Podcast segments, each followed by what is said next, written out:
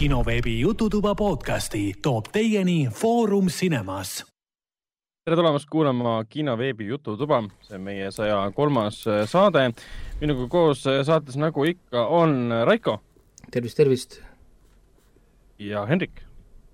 tere, tere ja mina olen endiselt, endiselt Ragnar, aga selle noodi pealt ma arvan, et liigumegi edasi, sest meil on suured-suured plaanid seoses nii kuulajate mänguga, ühe sellise suurema mm, esma, mitte esmakordse, aga on küll esmakordne asi võib-olla selline. meil on intervjuusid vähe olnud, aga meil on tulemas üks intervjuu teile ka. ja, ja eraldi me räägime veel pikalt õigluse liigast, aga õigluse liigast tuleb seekord eraldi saate jupike. aga praegu liiguks, liiguks edasi Äh, mitte küll kohe kuulajamänguga, mainiks ära, et siis äh, kinoveebi jutud, kõik saated on leitavad äh, Delfi taskus, SoundCloudis, Apple podcastis, Spotify's, Google podcastis ja kõikides teistes podcasti rakendustes. lisaks tahaks mainida mm, ka tõsiasja, et meil on ka mõned kommentaarid jäetud kinoveebi jututoa siis Prints Samundast kaks saatele, saja teine saade kus olid siuksed kommentaarid nagu, kus põhimõtteliselt nõustuti meiega, kuna meie pealkiri oli Prints ja Mundas kaks on täiesti üks halb ebavajalik film. Ja vahelduseks on kõik kommentaarid väga, kuidas nüüd öelda, selles mõttes positiivsed, et nad ei räuska. Äh, filmihuviline ütleb, et äh, see, see oli tõesti väga vilets film, üks vähestest, mida ma pole viitsinud lõpuni vaadata wow.. siis Fulki ütles, et ma vaatasin kaks päeva seda filmi, et lõpuni näha, väga pettunud selles Ouch. filmis. Doe ütleb, et noh, halb ei ole, aga hea ka pole. see on striimerite tüssamiseks tehtud. Sellest ma väga hästi aru ei saa, mis tähendab, striimerite tüssamiseks. nojah, et see järgmine kommentaar, ma vaatan, siin ei ole võib-olla kõige parem.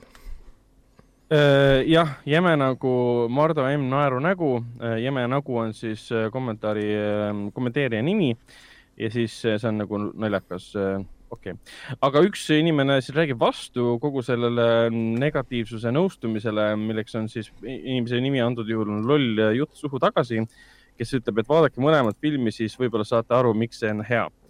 ja siis teine inimene vastas talle, kelle nimeks on M, et äh, kui mõlemas järjest vaadata, on see veel hullem. seda me rääkisime saates ka, et mina vaatasin mõlemat filmi järjest ja, ja see oli väga suur viga, sest esimene on niivõrd hea ja teine on niivõrd halb Äh, ja siis Samunda jättis ka meile kommentaari, äh, ilmselt, ilmselt prints Samunda ise, prints Samundast ise, kes ütles, et kohutav film, ebanaljakas, kuni isegi tüütu. ja siis PS, kuulajamäng on lahe idee, proovin vist ise ka osa võtta esimest korda, arvan, et tean neid kõiki. ja aitäh, meile meeldib saada kommentaare selle kohta, et see on hea idee. ja siis viimane kommentaar, no ei anna alla, on siis kommenteerija nimi, kes, kes kes sattus sellesse auku, kuhu väga paljud satuvad, et sa kuulad midagi ja mõtled, see on tuttav, mis jääb sulle pähe nagu ussitama. tema kommentaar oli, et mis see esimene seal kuulajamängus on, nii tuttav on, et ajab närvi. pange siia vastus, palun. ma võin talle, oota, ma võin talle vastata tegelikult. ma panengi talle vastuse. nüüd võib, nüüd võib, saade on käes ja kõik vastused on avalikud. vastus on äh, Alias. You are welcome. et äh, Alias on äh, see on vastus ja, ja see on tõesti väga tuttav ja ma tean küll väga hästi seda tunnet, et kui mingi asi jääb sulle pähe äh,, pähe kinni ja sa ei suuda nimetada, sul on keele peal, mis pagan asi see on. Vot, aga nüüd me saame edasi liikuda siis äh, kuulajate mängu juurde. kõigepealt räägime siis äh, kuulajate mängu, siis kuuenda kuulajate mängu vastustest, kus vastajaid oli meil üks, kaks, kolm, äh, neli, neli vastajat oli kokku ma võin kähku netist vaadata. meil oli see, seitsmes, see oli seitsmes kuulajamäng oli. kuues oli eelmine kord, nüüd oli, seitsmes, täna on kaheksas. jaa, okei okay., segamini need asjad juba. Äh, vahepeal ei ole tulnud uusi, aga niikuinii oleks juba hilja olnud ka. aga igatahes jah, seitsmes, seitsmes mäng ja neli vastajat mm.. ja nendest õigesti vastas siis antud juhul äh, kõik Äh, kolm tükki vastas õigesti. Äh, Argo seekord siis äh, kahe võrra tal jäi puudu vastused no,. Ähm, nagu ma eelmine kord rääkisin, et Argo alati on peaaegu seal juures ja, ja, ja õigesti, õigesti, õigesti vastajad on siiski kaks tükki, sest Merit vastas valesti esimese, ta pani esimene on Bones, mis on vale. esimene on siiski Ali äh,, Alias ja, ja, ja, ja õigesti vastatud oli siis Villu ja Janno ja, ja võitjaks osutus seekord siis Janno ja õiged vastused, siis ma ütlen need ka kiiresti, on Alias, Beverly Hills Cop, Charmed, Jaws, Hercule Poirot ja Six Feet Under. Endast mina ei, ise ei teadnud peast äh, ainult Six Feet Underit, sest ma ei ole seda seriaali kunagi vaadanud. see on väga hea sari, kui keegi tahab kunagi vaadata, siis tõepoolest mina, mina tundsin ära. see on ma olin vist liiga noor selle sarja jaoks. ta on tume, tume on ta küll. et, et see surnu, surnumatjate perekonnast. jaa, ja, ja, ja siis see Dexteri näitleja mängib seal seda gei, gei meest. Vot ongi, et ma olin vist liiga, liiga noorukene, et selliseid asju vaadata. Aga sama juttu ka siis seekord, et õiged vastused nüüd tänasele kuulajate mängule järgmiseks äh, nädalaks, neljapäevaks ehk siis kahekümne viiendaks märtsiks kell kuus õhtul circa oleks, oleks niisugune hea aeg. aga noh, samuti tuletan jälle meelde, et kui ei jõua saata, siis saatke ka, ma ei tea, reedel, vahet ei ole äh,, ma lihtsalt arvestan siis ära, panen tabelisse kirja, aga lihtsalt äh, kahjuks äh, auhinnaloosi mõttes äh, noh, ei saa võtta seda arvesse enam mm. -hmm. siinkohal ma igaks juhuks igaks juhuks veel teeks selle shout-out'i mängu võitjale Jannole, et palju õnne, Janno. Äh, Ragnar äh, võtab sinuga eraldi ühendust ja annab sulle siis teada, et millise kinopiletid sa võitsid. Sõltumata on... sellest, et kinod on kinni. veits kurb. antud juhul ma tooksin ikkagi välja selle, et Janno saatis meile vastused ja siis ta jättis endale ka nime alla sellise allkirja, et Janno kolmekümne viie aastane, Nõo lasteaed, lepatriiude rühm et see on, äh, see nagu ühelt poolt viitab sellele, kas ta on seal siiamaani äh, või siis viitab sellele, et, et ta mäletab seda lasteaeda ja rühma, kus ta oli, kui ta väike oli. või et see, et tal on lihtsalt väga hea huumor. samas, kui ta toob välja, et ta on kolmekümne viie aastane, siis ta ilmselt on juba lasteaias, aga siin on juba mingi teine teema tekib sisse, millest ma ei taha pikemalt mm.. tal on äh, numbnokib. inimene töötab tuleb, lihtsalt lasteaias, ongi kõik jah, ta töötab lasteaias või siis on lihtsalt väga hea nali ja ta teab, kuidas saate kuule, see oli, see oli nagu see miim, ma igaks juhuks korra mainin, vaata, et käis läbi uudis, et Facebook tahab teha Instagrami noorematele kui kolmteist ja, ja siis oli seal pilkudes sellel katoliku preestril on men-, men-, menüü on käes appi Jeesus. väga täpne. siin ei ole midagi valet. kõik on äh, akuraatne aga olgu, hakkame, hakkame kiiresti pihta, enne kui, enne, enne, enne kui teema läheb väga mustaks kätte ära. Nii, ma võtan siis, siis. kaheksas ähm, kuulajate mäng äh, algab äh,, algab, pärast panen nii minuti, minuti kirja, kus kohas ta nüüd algab. ja ei, ma saan need jah, ilusti siit äh, ära märkida küll pärast, kui vaja, niikuinii siin tuleb äh, ju intervjuud ja asjad siin aga olgu, hakkame siis pihta, esimene äh, peaks kohe nüüd äh, tulema. ja, ja, ja see ei ole kindlasti midagi uut, aga kindlasti midagi huvitavat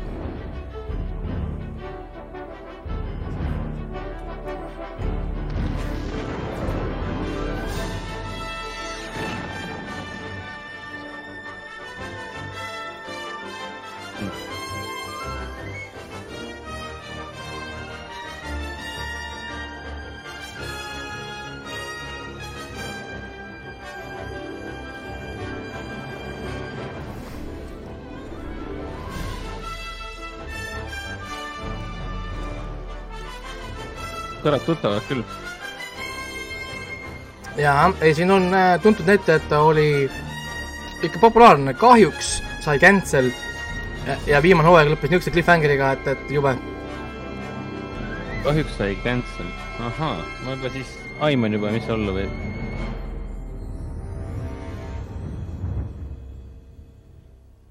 Nonii, full intro, äh, täispikkuses siis äh, ühe minuti pikkune ilusti ja läheme kohe number kahe juurde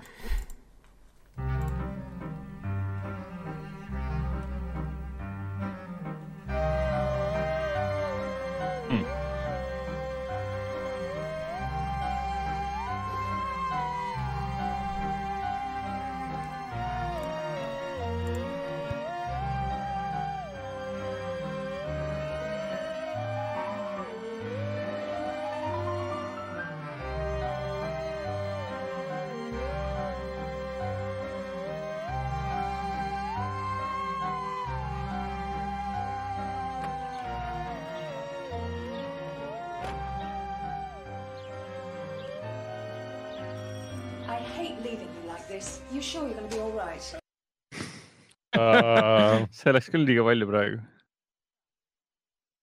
teab, mis see on? ei tea, kui palju see inimesi aitas, see lõpp seal.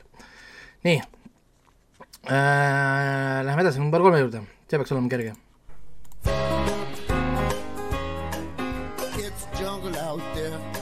Ah. ja, ja, ja, ja, see on see, ja see on see. Klassika. jungle out there. poison in the very air we breathe. You know what's in the water that you drink? Well, I do, and it's amazing. People think I'm crazy, cause I worry all the time. You paid attention, you'd be worried too. You better pay attention, or this world we love so much might just kill you. I could be wrong now, but I don't think so, cause there's the jungle out there. Nonii äh,, ma rohkem äh, pikemalt ei pane. nii, nüüd on meil äh, äh, see on nüüd siis nelja äh,. neljas tuleb jah, number neli läheb. Hmm. Huvitav, huvitav, mis see on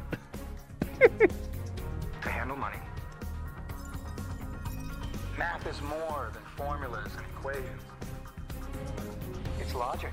It's more than formulas, it's rationality. It's using your mind to solve the biggest mysteries we know. We know.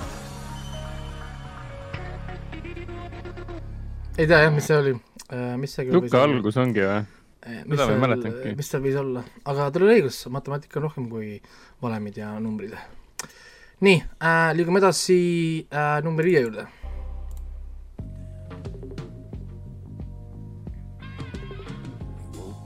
see on küll nii, nii kuulus, et jube noh.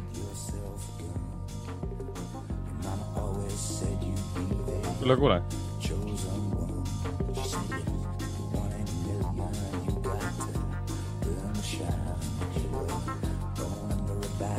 See oli üks esimene sari, mis minul, minul oli kunagi see vau wow..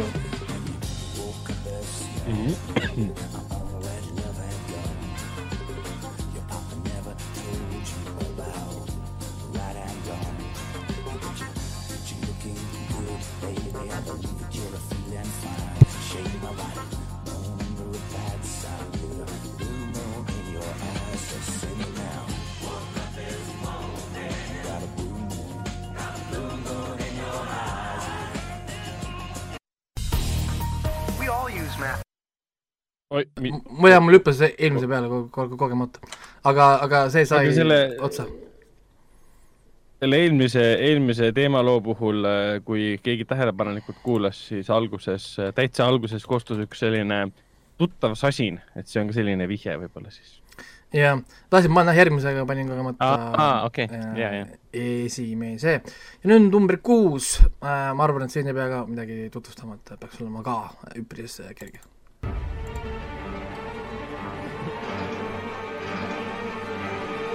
Nice. Hmm, jah, jah.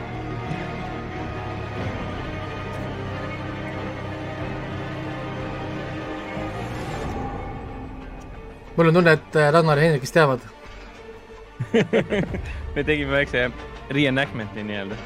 The Rage.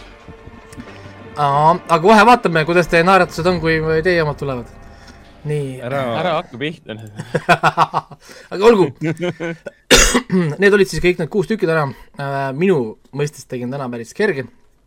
Äh, loodame, et kuulajad on sellega nõus, et on kerged. aga nüüd liigume edasi ähm,. siis äh, saatejuhtide juurde. Hendrik juhib nelja punktiga, sest äh, Oho seal stuudios koos olles äh, Ragnaril kohe üldse see, see välk round ei, ei taha minna. no, no eelmine kord kuna läks tal, noh, minu, minust jälle paremini. kuna me oleme kaksikud, siis meie, meie ajuvõnked lähevad samale lainele ja Hendrik röövib minu, minu ajuvõnkeid ja minu ajutööd äh, ma siis, ma, ma, ma, ma sind. et ma korraks tõlgin siis äh, vaata, va, ma tõlgin vaatajatele, see tähendab seda, et äh, Ragnar lihtsalt va, va, vabandab, muud midagi nii. Henrik, Henrik on süüdi. nii, ja number üks no,, kes ees äh,, see saab punkti. aa ah,, see on see. ei ole või? ise oled prins. mis see on? aa, fuck, oota, oota nüüd. tead seda, kurat. no te peate mõlemad, mõlemad peaksite seda miks, teadma. miks, miks, kurat, ma läksin umbe. ma tean, see on see mu lemmiksari.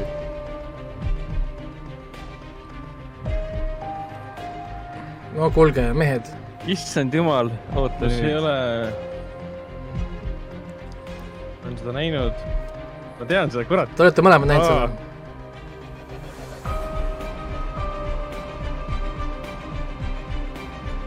aa, see on Westworld, ei ole või?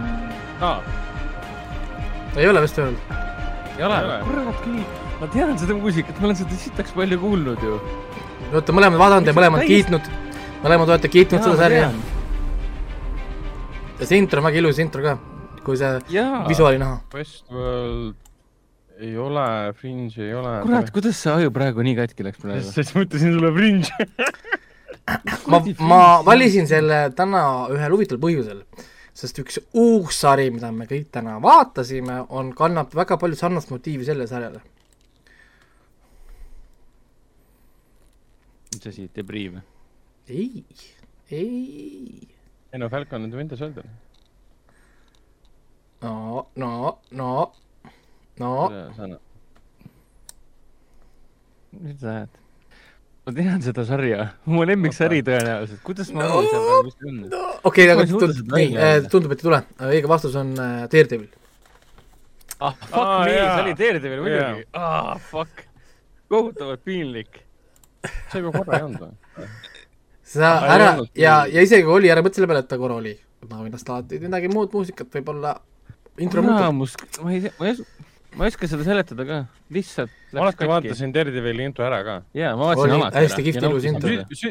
süüdistan praegu nagu selles, miks ma ei suutnud vastust anda selles, et ma vaatasin seda viimati äh, mingi kaks pluss aastat tagasi äkki või? mina vaatasin just hiljuti, nii et eelmisel aastal kevadel või? sa alles just rääkisid ka seda ju saates äh, mingi hetk. jaa oh,. no nii, järgmine mina ei, hakka vabandama, see on andestamatu niikuinii. järgmine, järgmine, järgmine. milline neist nüüd?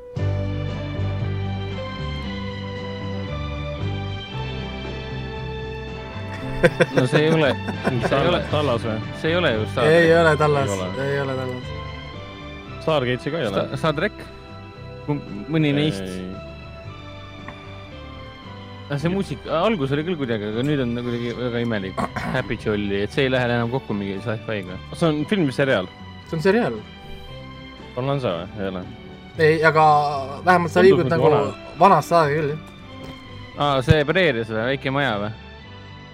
jaa, õige, väike Ei, maja preerias, Ragnar spoilis mulle ära. väike maja preerias. Ragnar varastasid minu punkti. Ragnar läks õigele teele ja siis, siis Raiko andis spoileri ja siis ma mingi, aa, ma vist. Little House on the Prairie, jah, täitsa õige, täitsa õige. aga nüüd järgmine järgmine, järgmine, järgmine on lihtsalt hea muusika, mida me võime kuulata siin kuni lõpuni ka. see on ilma sõnadeta, sest sõnad äh, lihtsalt on spoiler, spoiler, spoiler, spoiler, ehk siis, aga sellegipoolest see on nii tuntud muusika, et äh, vabandusi ei tohiks olla.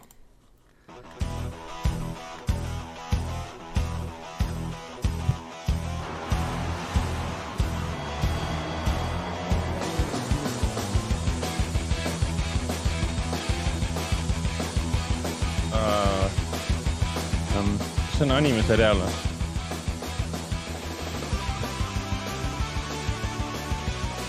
kui muusika. ei, see anime ei saa olla. see mingi Cobra Kai ka ei ole. ei, korraga ilmselt mitte. ja ta muidu laulab siin jah. ootamatu kiired maasid, ei saa olla. ma ei saa öelda, mida ta, mida ta siin laulab, sest äh, ta karjub seda nime kogu aeg. aa, varjub See- sama hästi. ta on äh, rikub äh, kõiki noori poisse üle maailma juba viimased paarkümmend aastat. kõik tahavad neid äh, nukusid ja mänguasju ja mänge ja aa, see Teenage Mutant Ninja Turtles või? ei ole. Teenage Mutant. Naruto või? ei Naruto. ma rohkem ei lase, kuigi ma tahaks seda tahaks kuulata lõpuni seda. või oota, ma tean küll, see on see, see on äh, üks esimesi Mingi... see seriaale, mis tehti, tehti ainult selle jaoks, et müüa tooteid. ehk siis ta on algusest peale olnud tootereklaam ja see toimis väga hästi. Tohutult, tohutult oh, suur frantsiis, kõik kohad täis, filmid, seriaalid, mutikad, animatsioonid. siiamaani suur või? täna ka ikka, ikka veel.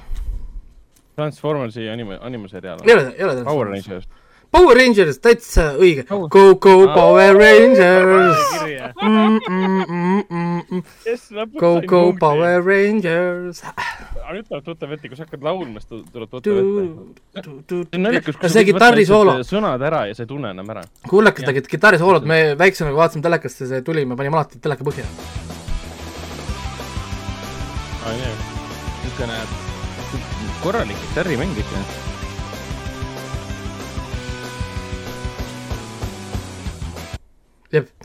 päris kihvt, jah. on nii, jah. ja nüüd äh, number, number, number neli. kes Eesti mees? Vikings. ma tahtsin just öelda. täitsa õige. Fever Ray. jah, et aga kuule, kuulajate, kuulajate jaoks ma lasen ikka natuke rohkem ka, et nad saaks ja, ka kuulda. see on, see on lihtsalt nii hea If I had a heart, Fever Ray no,, If I had a heart, ma hakkasin Fever Ray'd siis fännama pärast seda, kui ma esimest osa vaatasin. ja inimesed, kes pole vaadanud äh, Vikingsit, siis äh, ma ei tea, miks, mis, mis siin see põhjus seal taga on, et. noh, ma olen üks nendest, kellel on teisest hooajast alates ikka veel kõik vaatamata ai, ai, ai, ai, ai mulle esimene hooaeg väga meeldis. ja Hendrik ikka viskab oh., viskab meile neid äh, pirne siia kogu aeg aga olgu äh,, sellega kodu, kodustuudiosse tagasi minema. Suluga, sellega on siis meil mängud tehtud, äh, Ragnar vähendas natukene punkti vahet, tänase seisuga on siis seitseteist, äh, neliteist. on äh, siis, ei vähendanud ka ju, sorry. Hendrik läks eest ära, mis ma räägin. ma kaotasin, kaotasin selle kohe, kohe selle ühe võrra, ma kaotasin kohe ära. kaheksateist, kolmteist on, vot nii, viis punkti vahe juba. ma ei tea, Ragnar, ma ei oska öelda mm. -hmm nii, aga, aga, aga liigume, liigume kohe edasi äh, ühe, ühe väikse intervjuuga. ma siin eelmine, eelmine nädal, esmaspäeval siis, sel nädalal esmaspäeval tegin intervjuu Viaplay juhi Andres Jenseniga, et siis äh, Rootsist, suur härra, härra ärimees, kes siis rääkis mulle siis natukene oma uuest voogedastusplatvormist, mis siis eelmine nädala üheksandal märtsil alustas. ma siis käppisin mm, -hmm. käppisin seda siin ka omajagu erinevates platvormides, erinevates kohtades, ja, ja, ja, ja lõikasin siis selle kahekümne viie minutisele intervjuu lühemaks äh,, niisugune üheteistkümne minuti peale. ehk siis äh, ma panen selle kohe peale, ta on siis kõvasti lõigatud nagu lühemaks lihtsalt, et noh, nagu, et oluline jääks nagu alles, ja kui intervjuu on läbi, ma teen niisuguse kiire eestikeelse kokkuvõtte ka. see on inglise keeles, nii et selles mõttes ma eeldan, et kõik saavad tänapäeval juba inglise keelest aru, ja, ja, ja, ja muidugi noh, heli kvaliteet on, me tegime seda läbi Microsoft Teamsi. Mingil põhjusel, talle meeldis Microsoft Teams siis heli kvaliteet okay. on vastavalt äh, sellele siis paigas, aga olgu. Microsoftile vastab, jah? paneme, paneme siis selle ilusti peale. I think it was about July 2016 when I got a press release that Viaplay is coming to Estonia. So now it's five years later and Viaplay is coming again. So can you yeah. explain a little bit uh, why you have like uh, two uh, times when you're coming to Estonia? Yeah, no, it's it's a good question. There, there are some corporate reasons for that, uh, and the company that you, that used to uh, used to own uh, what is today Nent, uh, they decided to uh, to sell all international assets. So the companies, uh, which is today Go3 Media in in in in, in the Baltics, was sold together with with businesses in Hungary and Czech and and Bulgaria, etc. So so they made that decision uh, some years ago, uh, and then we created Nordic Entertainment Group, uh, and Viaplay became sort of a very important part of our strategy. And, and then it was a very easy decision to go back to uh, to the Baltics uh, and to Estonia. So so it was um, it's simply corporate reasons uh, that, that's behind that, nothing else. Okay, so now you know the. I think the basic question: How is Viaplay different from any other uh, streaming uh, service we already have? Yes, we, we, we, we like to think that we're different in a number of ways. One is that we combine entertainment and sports into a, a sort of a one place to, to shop kind of entertainment uh, hub for, for, for hopefully everybody in, in the family. So a lot of sports, uh, a lot of Hollywood entertainment, a lot of entertainment for the kids, and a lot of original entertainment, uh, all in one package. Uh, so, so that that sets us apart from from uh, especially the global competitors like HBO and Netflix and others. Uh, and then we have a broader proposition uh, than than the local uh, competitors. So we you, you can argue we're a little bit of a hybrid between an international and a local service. everything delivered on, on one of the most robust platforms in the world. Uh, so uh, so we are different uh, in in many ways, but of course we have to prove it to the Estonian audience to say, look, Viaplay is, is here and this is what we can offer, and it's different because we, we can do this. That we have to prove. Okay, so you mentioned sport, right? So at sport content, uh, as much as I saw here, everything had Estonian commentary. So is this like a thing for the future that we get everything uh, with Estonian commentary? Almost everything. Uh, I mean, there, there, there will be uh, when when we do Champions League and Europa League as an example, all the big matches we, will have Estonian commentary, but there will be some matches, especially in Europa and Conference League, that, that are not so interesting, uh, where we will have probably English commentary. But but uh, more than eighty percent uh, will will have local commentary, and when we do the bigger uh, the bigger events, Champions League final as an example, then there will be local studio as well. Okay, so uh, what uh, like big sports are you planning to add to the uh, sports selection here? Yeah, so now we've started with, with Formula One, uh, the English FA Cup, uh, NHL. We will add uh, Bundesliga in the new season after summer, and we will add Champions League, the UEFA Champions League. we will add the Europa League and the Conference League, and then we have another a few other things coming as well that we haven't announced yet but it's going to be a very rich uh, proposition uh, of, of uh, international high quality sports. Have you ever yes. thought about esports? Esports is something that we, we've been very close to and we've been working with it. We're doing uh, in, the, in Denmark, we're broadcasting the local football league, and we also broadcast the, the, the e league of the same league. So we are looking at esports, uh, and it is growing very quickly. But it's a little bit of a different different business model. If, if you're if you're an e-gamer, you know that you're going to go to Twitch or, or, or, something else, and you maybe want to follow one of the big leagues, ESL or something else. Uh, and the payment models for that is very different. Uh, so uh, so it is something that we, we are we are keeping sort of close eyes on, but but it's it's it's not so much on the on the on the platform. It's available for free uh, anyway for for uh, for those who are uh, who are interested. So the willingness to pay for it is not that high. Talking about the other type of content that I didn't see on the Viaplay is anime. I didn't see any anime yep. at all. So oh, it's uh, coming. It's oh, it's coming. coming. We have some rights, so it's coming. There will be anime, and there will be more more young adult and, and kids skewing content. But anime sits somewhere in, in the between young and adult, uh, but it's coming as well.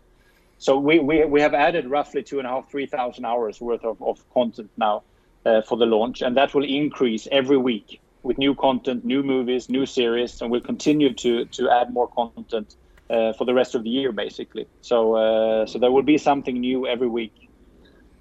Okay, so uh, as I understand right now, Viaplay is uh, not available uh, everywhere on the world, right? No, no. We, we are in the five Nordic countries, um, and now in, in Estonia, Latvia, and Lithuania. So that makes eight countries. Uh, and then we're going to do Poland uh, in uh, in August, and then we go to the US later later later in the year, and then we have five additional markets coming next year. So, so we're we're we're pretty busy. Okay, yeah, the conquering US. Uh, I'm definitely going to watch that because uh, that's yeah, uh, I, that's right, a crazy market. We, it is a crazy market. It's a huge market, and it's super super competitive.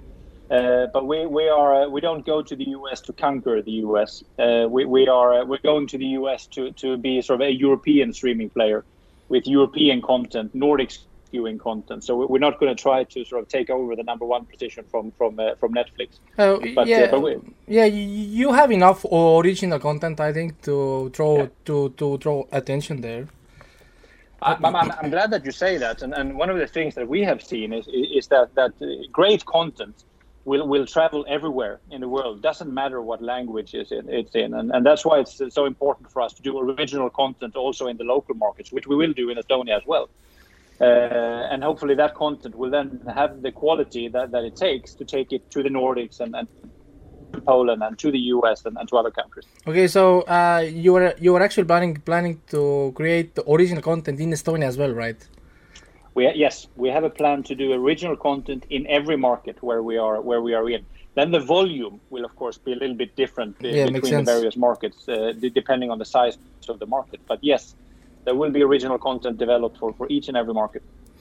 Uh, can you maybe like uh, tell uh, tell us like how many users do you have right now? I mean, Viaplay has been around like nine years, ten years, something like that. Yeah, we, we actually started back in 2007. 2007. Via, okay. It, it, was called Viasat on demand uh, at the time. So so you're right. It's been seven years now. It's eight years as Viaplay. Um, and and uh, primarily a Nordic service to begin with. We have three million uh, subscribers Three million in, in the Nordics. Yeah. That's uh, uh, actually so quite a big number. It is a big number. We we are on on subs. We're we're not far behind Netflix. On revenue, We're actually number one uh, in streaming in, in, in the five Nordic countries. So uh, Hmm. so we have a proven we have a proven model, and we have proven that it's possible to compete with the with the Americans. Uh, One thing I also noticed uh, on the Viaplay that you don't have 4K Ultra HD content there. No, uh, there is in, in some markets, not in all markets, uh, but there is, there is HD in sports. Uh, 4K uh, depends on, on the support of, of, of hardware, as you know. So uh, so it differs a little bit, but we are developing over time. HD will be uh, will be available on on, uh, on selected parts of the proposition. Okay, okay. And I tried to test the Viaplay on many different devices, and it was pretty much on everything except on uh, my two Android TVs. Uh, for Yeah, so I'm guessing for Android TVs I need to use Chromecast, or how does that work? correct. It's the Google Chromecast device that you need to use for, for, for the Android TVs. It, it will be available on the on the smart TVs as uh, as well, but for now it's it's the Chromecast. Okay, and uh, when I tr- try to check the pricing, I only saw one like uh, like package. Do you plan to Yes. like add many different packages in the future, or No, we like simplicity. We think you know it's it's one price, uh, all content. So one price, you stream everything as much as you like. Uh, so it's one price for everything. And uh, that's how it will stay for the future, or you know? Well, you should. I mean- we, we, we started with one package in in the Nordics. Now we have two packages uh, because of of, of uh, if you add a lot of sports, uh, not everybody wants to pay for sports. So then you may need to differ between sort of entertainment and sports. But for now, we think it's it's it's very affordable, nine ninety nine, all content. Uh, so we have no plans to change it uh, in in the in the near future. Okay, and uh, I think the last question is, what are like the bigger plans for the future? You know, where is the Viaplay uh, heading, pretty much? Yeah, we want to be the, the, the European streaming champion. We think that streaming services have been very US uh, oriented uh, or US born, uh, and I'm sure that will continue. But there is so much fantastic European content that, that, that wants to be developed and, and wants to travel. Uh, much of it is stuck now in in uh, in local countries because of you know traditional linear TV and traditional pay TV, and that doesn't travel very well. Uh, we think there is room for a European champion uh, who can really sort of take uh, all this content uh, to the world. Um, and we have a platform. We've developed a, a fantastic platform. We've, we've invested a lot of money in it. We have proven that, that we can compete basically with with anybody, even the big ones. Um, and uh, and then it's just a matter of developing great content. At the end of the day, it's about finding the, the you know reaching the, the minds and the hearts of the viewers uh, and to tell stories uh, that hasn't been told. Uh, tell stories that need to be told. That's what we want to do. So in, in five years' time, we are in 15 or more countries, uh, probably more, um, and um, then we'll take it from there. Do you have maybe like a like a teaser or spoiler about some some bigger project coming uh, to Viaplay? Yeah, we, we, we we're announcing almost on a, on a on a weekly basis. Uh, but if, if I want to give you a tip right now, you should definitely have a look at the Danish uh, crime series, Those Who Kill. It's called Those Who Kill. Okay. Uh, the first the first season is on the service uh, now, and, and the second season uh, starts to stream uh, next Sunday on the 28th. So so that that's that's a good place to start if you want to see high quality Nordic noir crime. Brilliant. Well, Okay. thanks a lot for the interest, and and um, keep streaming. Nonii äh,, ma teen nüüd kiire kokkuvõtte ka, sest äh, ja Randar muidu ei teagi, millest härra äh, Jensen siin rääkis äh,. Põhimõtteliselt ma siis küsisin seda näiteks, et esimene küsimus, niisugune oluline küsimus oli see, et miks, miks tuleb Viaplay uuesti turule. et äh, ma mõtlen seda, et vaata, kaks tuhat kuusteist juulis Viaplay tegelikult juba korra tuli Eesti turule äh,. ja siis ta selgitas seda väga lihtsalt, see on korporatsiooniline äritegevus äh,, ettevõte, kes siis too hetk omas Äh, Viaplay õiguseid siis Balti riikides, lihtsalt müüs oma kõik rahvusvahelised varad maha, mille, mille peale siis tehti uus ettevõte Nordic Entertainment Group, mis nüüd täna omab Viaplayd, ja, ja ühesõnaga Viaplay tuli tagasi ja nüüd Viaplay enam, nagu nad ütlesid, äh, nii-öelda nagu lineaarse ja traditsioonilise siis televisiooni juurde tagasi ei lähe, nad jäävad nüüd ainult äh, streaming platvormiks. Nad on olemas okay. igal pool ja sa saad need kätte nii Apple'ist, iOS-id igal pool, välja arvatud siis Android TV-d uh,, uutes Android TV-des no Meetup olemas, vanades ei ole, selleks on vaja siis Google Chromecasti, et seda vaadata, on ju. Äh, content'i kohta ma küsisin, siis nad ütlesid, et nende eesmärk on toota originaalset content'i, äh, neil on kolm miljonit kasutajat, äh, mis on natukene vähem kui Netflixil siis Skandinaavias ja siinkandis. aga, aga ütlesid, et nende käibega nad on number üks siinkandis, millega nad siis demonstreerivad või näitavad sellega ära, et nad suudavad konkureerida küll suurte rahvusvaheliste siis globaalsete hiididega väga võimas ähm,. jah, et neil on äh, numbrid olemas, ta ütles see aasta neil on tulemas nelikümmend originaalprojekti äh,, järgmiseks aastaks on planeeritud umbes kakssada originaaltoodangut. Ja, ja ori-, originaal filmid, seriaalid ja, ja sport, sport ka, et äh, ah, nad okay. toodavadki ise palju sporti, neil on oma spordi mingid liigad, ühesõnaga toodavad nagu sporti ka. ja siis igast turult, kus nad on, kaasa arvatud Eesti nad hakkavad tootma siis original content'i, ehk siis nad juba on sättinud üles, nad on mingid väiksed firmad Eestis, kes hakkavad siis otsi, otsima siis huvitavaid raamatuid, huvitavaid asju Eestist, mis oleks sellise kvaliteediga, mida oleks võimalik siis eksportida üle maailma. On ju, ehk siis, et neil oleks võimalik seda viia siis ingliskeelse dublaažiga näiteks Rootsi, Skandinaaviasse, sealt edasi siis ka mujale maailma, sest nad selle aasta augustis lähevad, lähevad Poola ja siis hiljem lähevad siis äh, ka Ameerikasse. ja, ja USA-sse nad, nad ei lähe siis ideega, et võtta see üle või olla number üks, vaid nad lähevad sinna ideega, et äh, eksportida Euroopa kvaliteetkino sinna. Nagu. Ja, ja siis ise seda toota ja, ja ise siis nagu viia. väga äge. ja, ja, ja siis järgmine aasta neil on plaanis minna veel viiele uuele turule, nii et, et, et ta ütles, et neil on palju tegemist ja, ja nad ei kavatse kuskile nagu minna, on ju. kui ma küsisin, küsisin näiteks, et miks nemad on paremad kui teised, si-, nagu voogedastuse pakkujad, siis noh, tema muidugi ütles, et noh, nende meelest nad on muidugi hästi palju paremad, on ju, aga aga, aga ta ütles, et põhiline niisugune e-, eri, esile või eraldi noh, nagu eraldumine siis toimub siis läbi spordi, et neil on hästi palju sporti võrreldes teistega, noh nagu streaming utega, näiteks ütles, et eh, kus sa vaatad sporti näiteks Netflixist või, või Prime videost või HBO Maxist, ei saa ju vaadata sporti, on ju, et siis nemad pakuvad Fifat, NHL-i, F1-e, Bundesliga, ühesõnaga kõik asjad ja kaheksakümmend protsenti spordist on eestikeelsed eh, komment-, kommentaaridega. väiksed mängud, nad lähevad, jäävad inglise keeles ja suured finaalid, näiteks Champions League finaal või vormel ühe teatud etapid tulevad äh, oma täitsa eraldi stuudioga Eestis, noh või siis noh, Lätis, Leedus, kus iganes nad on, kõik siis saavad oma kohalikud stuudiod, stuudiod äh,. siis ta ütles, et need toodavad originaaltoodangut, nad on ainukene siinkandis striimijates, kes põhimõtteliselt toodab originaaltoodangut, kui jätta kõrvale väiksed äh, mõned kohalikud, ta mainis siis Elisat ja, ja, ja vist, oli vist Elisa meil, Elisa, kes toodab Elisa Haabi siin mõned. Elisa viimati tõi meile selle Pae pommipanija loo, kus Marko Matvere mängib selle Pae pommipanijat. aga Teli ei tee enda asju või? Teli midagi teeb mingid väga vähesel määral, nagu ma saan aru, jah, nagu, et, et igal juhul lihtsalt nad hakkavad ka tegema ja, ja see ongi siis see, kuidas hakkab nagu eristuma. samuti muidugi kõik laste content on dubleeritud, ütles, et muidu nad ei panekski seda sinna neil on nice. äh, loodud mingi oma, mingi eraldi jälle mingi OÜ vist Eestis või, või kuskil või tellivad või ühesõnaga ma ei tea, aga ta ütles, et igal juhul kõik laste content dubleeritud igal juhul äh,. muidu ei ole ju sellel mõtet, noh, miks ma pakun sulle, noh nagu a la Netflix Eesti pakub äh, äh, laste content'i, mis on inglise keeles, noh, mis ma teen sellega? no jaa, täpselt, noh.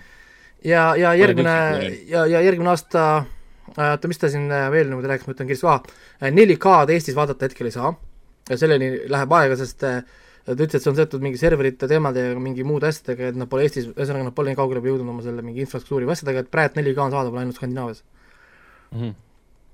Uh, hind äh, jääb üheksa üheksakümmend üheksa, äh, mis on siis kogu paketi sisu, mingit reklaami-asju kunagi ei tule uh, ja, ja võimalik, et tal kunagi hiljem, kui tuleb hästi palju sporti, et siis tuleb uus eraldi spordipakett juurde, mis on kallim hinnaga, sest sport, nagu sa ütlesid, nendes Skandinaavias on nii palju sporti juba, et kui inimene ei taha sporti saada nii palju, ta ei vaata sporti üldse, siis ta siis on nii-öelda ilma spordita variant jääb ka nagu noh, nagu vaata-, vaatamiseks. Ja midagi muud ei ole, ma küsisin, mida ta soovitab vaadata, ta ütles, et ta hetkel soovitab vaadata Taani krimiseriaali äh, Those Who Kill, mille teine hooaeg tuleb kakskümmend kaheksa märts, ütles, et see on üks parimaid asju nendel platvormil. Kui keegi tahab proovida, siis kaks nädalat on tasuta, kui sa teed konto, aga see on see tasuta, kus sa pead panema oma krediitkaardi andmed, nii et äh, ärge siis ära, ära unustage cancel dada, kui te ei taha seda vaadata hiljem. aga interface on väga korralik, kõik toimib väga ilusti, näeb hästi ilus välja, mul ühtegi niisugust halba sõna selle koha pealt öelda ei ole, kui ma küsisin, kus on e-sport ja kus on anime, ta ütles, et e-spordiga nad tegelevad, lihtsalt äh, teist, nagu teistsugune ärimudel, et, et millal täpselt tuleb, ei tea veel, aga Taanit nad juba teevad FIFA ja, ja siis seda Pro Evolution Socceri liigat, ja, ja anime tuleb siis ka, ta ütles, et neile osad animeõigused nad said kätte, aga kuna animeõigused on väga raske kätte saada, siis nad tõenäoliselt teevad hoopis ise oma animed, äh, on, mis on nagu lihtsam. Okay.. see tõusukill on ikka megapopulaarne, ma vaatan, et kaks tuhat üksteist Taanis alustas, USA-st on, USA-s on tehtud remake, Hollandis on tehtud remake sellest um,. Vau ei, ta ütles, et, see on, see pidi olema praegu kõige parem asi äh,, nagu mitte kõige parem, ütleme, populaarsem või enim räägitud asi Viaplay platvormil äh,, et äh, tehke konto, kaks nädalat tasuta, saate ära vaadata Tõusu kill, teine hooaeg tuleb kakskümmend kaheksa märts. aga Viaplay'ga on siis see, et äh, kas leht, kas tal on äpp ka olemas, eks? on jaa, ei mul on telefonis, toimis Apple TV-s, oli olemas, toimib, aga ta on geo, geolukuga, ehk siis VPN-i kasutajad ei saa kasutada, sest ta toimib ainult Eestis või noh, nagu Skandinaavias ja Eestis. õige mm, -hmm. õige aga arvutil ma saan lihtsalt selle äpi kodukalt alla laadida ja arvutis äppi kasutada? arvutis vaatab brauserist, nagu need, need Netflixi, minu arust äh,, ma ei tea, kas neil isegi on PC äpp äh, olemas. Aga telefonis on toimib net, äh, net, net, net, Netflixil on ta töötab sama lihtsalt nagu Netflixis. Netflixil on Microsofti Store'is olemas täitsa. no äkki Viaplay on ka siis, sest Viaplay on tegelikult päris suur, nagu ma saan aru, kolm miljonit kasutajat pole üldse, pole üldse väikene number kui Netflixil vist on niimoodi, et brauseris vaadates sa ei saa 4K-s vaadata, siis sa saad tegelikult äh, äpi PC-l alla laadida, vaadata, see on 4K-s. aga aga Viaplay kõlab täpselt nagu, nagu uus uh,, uus, uus nii-öelda Nordic, Nordic Netflix nii-öelda. On ja, ja spordi, spordisõbral kindlasti uh,. Neil on yeah. live sporti kogu aeg jookseb lihtsalt ja, ja sa võid vaadata tagantjärgi neid kõiki asju spordiauk on ikka nii sügav seal lihtsalt, lähed ja lähed ja lähed, vaatad erinevaid mänge, eestikeelsed kommentaarid, läti keeles, ma ei tea, mis keelt tahad, vene keeles, valid sealt listist ja läheb. see on väga vinge, sest muidu ju mina näiteks vaatan kodustes tingimustes äh, Telia HBO kaudu neid HBO, äh, HBO ja Euroopa toodetud Euroopa seriaale mm., praegu vaatan seda rumeenlast ja nii edasi. aga neid, seal ma pean ka otsima nii-öelda aga Viaplay'ga ma saan aru, et ma teen endale praegu konto ja hakkan massilises koguses vaatama kuradi, vabandust, et ma vannun, äh, massilises koguses vaatama nagu sellist jumala ägedat Skandinaavia noaari, millest ma olen lihtsalt. ja ei, seal on palju, neil on terve hunnik, äh, mina mõtlesin, et on vähem, aga kui võtad selle Viaplay Originals lahti, see on ikka päris pikk list seal scroll ida. Nii et nad on tegelikult, nad on teinud tegelikult juba väga pikka content'i, ma pole enamus nimesid kuulnudki. Ja selles mõttes mul on nagu tegemata tööd tegelikult väga palju jäänud, et selle, noh, selle koha pealt ütleme, et, et Viaplay Original on minu jaoks väga väga, väga võõras teema. ma proovin, muidugi, nad on muidugi leidnud päris huvitava niisuguse, niisuguse koha puhtalt sellepärast ju Netflix on ju viimastel aastatel räigelt kokku ostnud Skandinaavia seriaale, tootnud Skandinaavia seriaale, Saksa ah, seriaale. kusjuures ta, ta ju, ta just rääkiski sellega huvitavalt, et noh, ennem intervjuud ja pärast intervjuud me tegime ka niisugune chati, chati, noh, niisama küsisin maailma kohta ja siis, siis ta veitsa nagu, äh, jah, seda huvitavalt äh, huvitavalt mainis nagu ka, et ütles, et kui nad otsivad nagu content'i, et kõik on nagu väga hash-hash, ma küsisin näiteks, kas nad lubavad saata ideesid ka sisse, siis ta ei, et see on, noh, keegi jõuaks neid läbi vaadata kõiki, noh nagu et kui a la, pole mõtet panna a la mingi skript, et Viaplay umbes, et inimesed saadavad stuff'i vaata. vaid nad ise mm, -hmm. ise nagu otsivad ja iga kord, kui nad leiavad midagi, nad proovivad hästi, hästi kiiresti mingisuguse diili paika panna, sest eh, on kombeks, et tuleb härra Netflix kuskilt salaja ja pakub üle mm. -hmm. spioonid tööstusspionaaž on kindlasti käimas. ma arvan, et on Netflix niimoodi töötabki, nad ei anna endast teada, aga alati kuskilt kõrva tagant üle, üle, üle vaatavad, piiluvad, ahah ostame ära selge. aga see Viaplay kõlab küll umbes niimoodi, et see on nagu minusugusele, kes tahab noh, näha niisugust mõrvalugusid ja siukseid, seal on ju kõike meeldud, nii, nii mõrva kui ka draamat kui ka, ka ma ikka jaa, lappasin seal ise ka, oli mingisugune Soome sci-fi oli seal mingi sari. no näed noh, kus mingi... ma seda muidu näen? et, et täiesti palju praegu... asju, mis, mis olid täitsa võõrad minu jaoks, täitsa võõrad, ma pean hakkama guugeldama eraldi, et vaatama, mis need on no ja siin võib isegi niimoodi öelda, et miks ma peaksin endale Netflixi tegema, et siis hakata otsima mis, mis keelse, keelset võimalik vaadata, kui ma võiksin lihtsalt võtta, lihtsalt võtta Viaplay ja saada kõik need mm. mitte ingliskeelse content'i, Euroopa content'i ja kohe järjest vaatama hakata. eriti praegu... kui need on siuksed celebrated uh, hit-seriaalid ka veel. Viaplay nagu suurim eelis praegu antud juhul ongi Netflixi ees on see, et ne, neil on eestikeelsed subtiitrid kõigil ja no, kõik küll, Hollywoodi filmid ja kõik asjad ja muidugi see, et, et lihtsalt... no ja laste content on dubleeritud. seda ei tasu alahinnata Netflix võib lõputult ju Skandinaavia seriaale osta või toota, aga nad, neil ei ole eestikeelseid subtiitreid. aga Viaplay's igaüks, kes, kes natukenegi tahab eestikeelseid subtiitreid, saab, saab selle endale, endale lubada okei okay,, Telia HBO-s ja kus on Euroopa seriaalid on ka eestikeelsed subtiitrid, aga rohkem tegelikult mujal ei olegi. ei ole nii suur lihtsalt, aga, aga nüüd on palju lihtsam, et kasvõi meie sinu vanemad nagu rahulikult saavad no, vaadata läbi Viaplay. Neil on kõige tähtsam. ja seal on ja ta ütles ka, et neil on ähm, content'i tuleb, ta ütles, et selle aasta lõpuks äh, kahekordistub content, neil on praegu kolm tuhat tundi selle aasta lõpus on kuus tuhat, ütles, et neil on tegelikult juba näiteks Skandinaavias on kaheksa tuhat tundi, lihtsalt nad peavad ootama teatud mingi, ühesõnaga seal on ka mingi lepingu teema ja levitamise teema, aga no vaikselt mm -hmm. nagu liiguvad edasi, saavad kogu content'i tuua nagu üle. et ta ütles, et me saame praegu ainult väikse osa originaale vaadata, sest isegi nendega on nagu levitamisega mingid teemad, sellepärast et see firmade müügid ja asjad, ta ütles, et see on korporatsioonide värk, et see on väga keeruline, mida seletada et nojah, eks see niimoodi käibki. et, et see on jah, nagu niisugune omamoodi äh, teema. mis tähendab seda, et kogu aeg tuleb, kogu aeg tuleb ju sisu juurde. no ei, ei, ta ütles, et neil on juba see aasta, ta ütles nelikümmend projekti on see aasta tulemas. noh, nagu äge. originaal, ori-, originaalprojekti. väga, väga erutatud praegu. ma kindlasti proovin nendega nädalavahetusel. Nonii ähm,, aga liigume edasi, mis me vaatasime äh,. ma nii palju siis ütlengi, et mainin muusti üle, et siis härra Jack, Zack Snyderi Justice League'i me räägime eraldi tuleb niisugune mini erisaade siis peale seda saadet, kui see saade on vaadatud, saate kuulata seda pikka ränti siis sellest filmist. aga ränti kuna film aga... kestis neli tundi, siis me ei saa sellest ühes aga... tavalisest saates rääkida. aga ränti mul jagub täna. täna mul ränti jagub et, et ma, vot sellepärast ongi hea vaadata animet, sest mul peab nii palju rentida seal, hakkad natuke filmi vaatama jälle ja, ja juba tõmbab turja kuradi püsti et, tahaks kohe kuskile minna ja kirjutada ja raha käest ära võtta, et siis sinule ei tohi raha anda, sest saadet, saadet sitta, noh, halloo lihtsalt no.. ja kohe, no tegelikult ennem kui ma ütleme, hüppan siis sinna, ma räägin korra ära selle Netflixi sarja The One, mis ma vaatasin ära siis eelmine nädalavahetus äh,. see on siis uus Netflixi ulme, no vähemalt müüvad seda kui ulme, et see on nagu sci-fi äh, sari. Läksin, läksin sisse, esimene osa oli väga kihvt äh,, põhimõtteliselt on siis see, et üks naine teadlane äh, leiab siis äh, DNA-st viisi, kuidas leida meie ideaalne partner, kellesse me oleme garanteeritud äh, nii-öelda nagu armuma. see on tundnud mm -hmm. väga huvitav idee, on ju, et, et siin siin on nii palju variante, mis kõik võiks toimuda maailmas, kuidas geipaarid äh, suhtuvad, kui, kui, kui tal tuleb näiteks äh, naine vaata või, või, või, või, või kas need geneetiliselt üldse tuleb näiteks gei suhteid või nad annavadki alati geneetiliselt vastassugupooled või ja kuidas see juhtus mm, -hmm. kas siis gei inimene abielluks ära inimestega, kellest on garanteeritud abielu. kõik see, mul oli ikka mõte, et issand, siin tuleks nii palju asju olla. ja inimesed on abiellus, saab teada, et ta peab olema hoopis naabripoisiga koos või, mis siis nagu, noh, nagu maailm sõlma hakkab. aga ei. aga ei.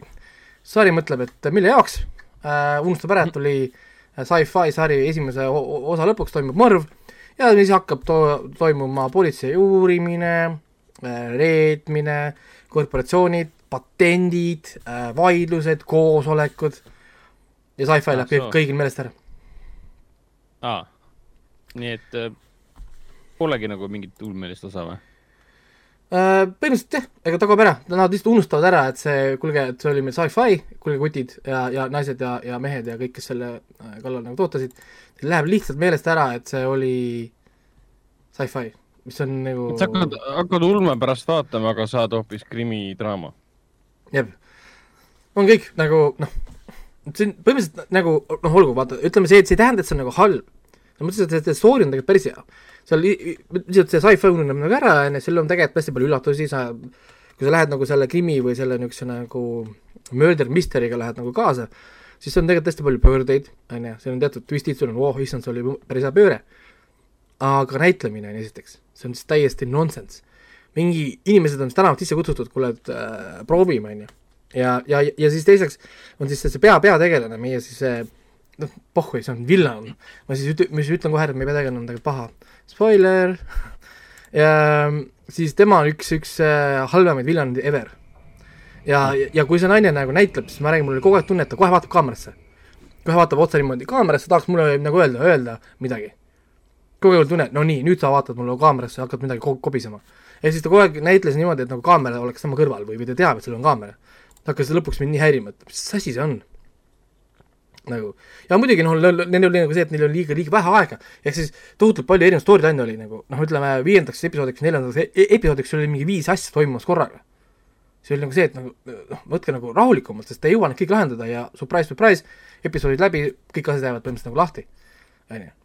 Ehk siis okay. äh, ütleme, ma siis oma selles review's kirjutasin ka, et, et tegelikult see oleks pidanud olema üks Black Mirror episood lihtsalt äh, oleks pidanud see tegelikult see kogu, kogu, kogu asi nagu olema, kirjutada nagu ümber kui Black Mirror episood ja, ja ma arvan, ma oleks kõik olnud sellega rohkem rahul kui eraldi sari. niisugune, niisugune kuigi see, kes peategelast kehastab ähm,, Hanna Hauer oli, oli kahe tuhande üheteistkümnenda aasta seriaalis Boss suure, suurepärane, aga kahju kuulda, et, et ähm, näitlemine ei ole üle kandunud siis vahepeal tal äh, suurem, parem, parematesse rollidesse. no muidugi, muidugi on ka see, et me ei tea, mida lavastaja tahtis äh, ja igasugused muud asjad, vaata. aga igal juhul praegu jääb siis kaks, kaks, kaks varianti, kas on, ma arvan, et siin on äh, tegelikult koostöö, siin on nii halvasti kirjutatud karakterid kui halvasti näide näidatud, ehk siis niisugune fifty-fifty. et, et tõe, tõe, tõe, tõenäoliselt jaguneb niimoodi, et selles mõttes, et jah, ei, ei olnud midagi erilist. nii, järgmine asi äh,, Cosmic Sin ja see on ka meil ka nähtud. see, see see pealkiri vastab tõele. on äh, et, fantastiline äh, uus äh, Bruce Willise film. ja, ja see... fantastiline, fantastiline ma pean silmas, et väga halb. et, et see, ma ei, kust sa hakkad niisuguse asjaga nagu pihta äh,? kes see raha andis selle filmi jaoks? ja miks? ma arvan, et äh, Bruce Willis oma taskust. ei, ta ei olnud produtsent siin ega mitte midagi. minu meelest ei olnud tegi, andis taskuraha Reisierile okei okay,, no põhimõtteliselt ma teen mingi niisuguse lühikokkuvõtte ära, põhimõtteliselt on see, et on viis aastat, viissada aastat tulevikus, kus kohas kõik on samad autod, kõik on sama riided, midagi samad relvad. ja kõik, kõik on nagu sama, siis seitse sõdurit äh,, oli vist seitse, jah? Äh,, seitse sõdurit lähevad äh, planeedile, kus nad leiavad siis uue ütleme, tsivilisatsiooni. ja, ja, ja lähevad siis sinna ideega, et peatada siis nii-öelda nagu tähtedevaheline sõda ennem, kui see algab sellepärast, et see esimene kohtumine oli nagu halb, või nagu katastroofiline. siis okei okay,, filmi esimesed kümme minutit on nagu täitsa huvitav. on ju, kõik, kõik on nagu tore, aga sealt saab ka kõik otsa nagu. Yeah.. et, et põhimõtteliselt siin ei ole mingit nagu story'd põhimõtteliselt ei ole, on ju, kõik need äh, low budget efektid lihtsalt nagu nonsense, nad on kuskil mingisuguses kohalikus kuradi lasertag ruumides või, või laborintides terve film, on ju, kus on valgustus, on ju kus on acting, kus on muusika, kus on fucking sound, kus on hea, hea, et sa valgustust mainisid, sest filmi ainuke valgustus äh, või kogu see, kogu see, ütleme, idee või filosoofia valgustuse taga seisneb selles, et panna igasse kaadrisse võimalikult palju LED-i, LED-valgustusi erinevates värvides, millel pole mitte mingisugust tähtsust, kui me räägime värvist. ja, ja kohati ei saa aru, et kas, kas filmi algusest saadik ja siis filmi lõpuga arvestades, et kas, kas vahepeal on siis sellest samast LED-valgusitega valgustatud ruumist nagu lahkutud ka? Või on see sama ruum?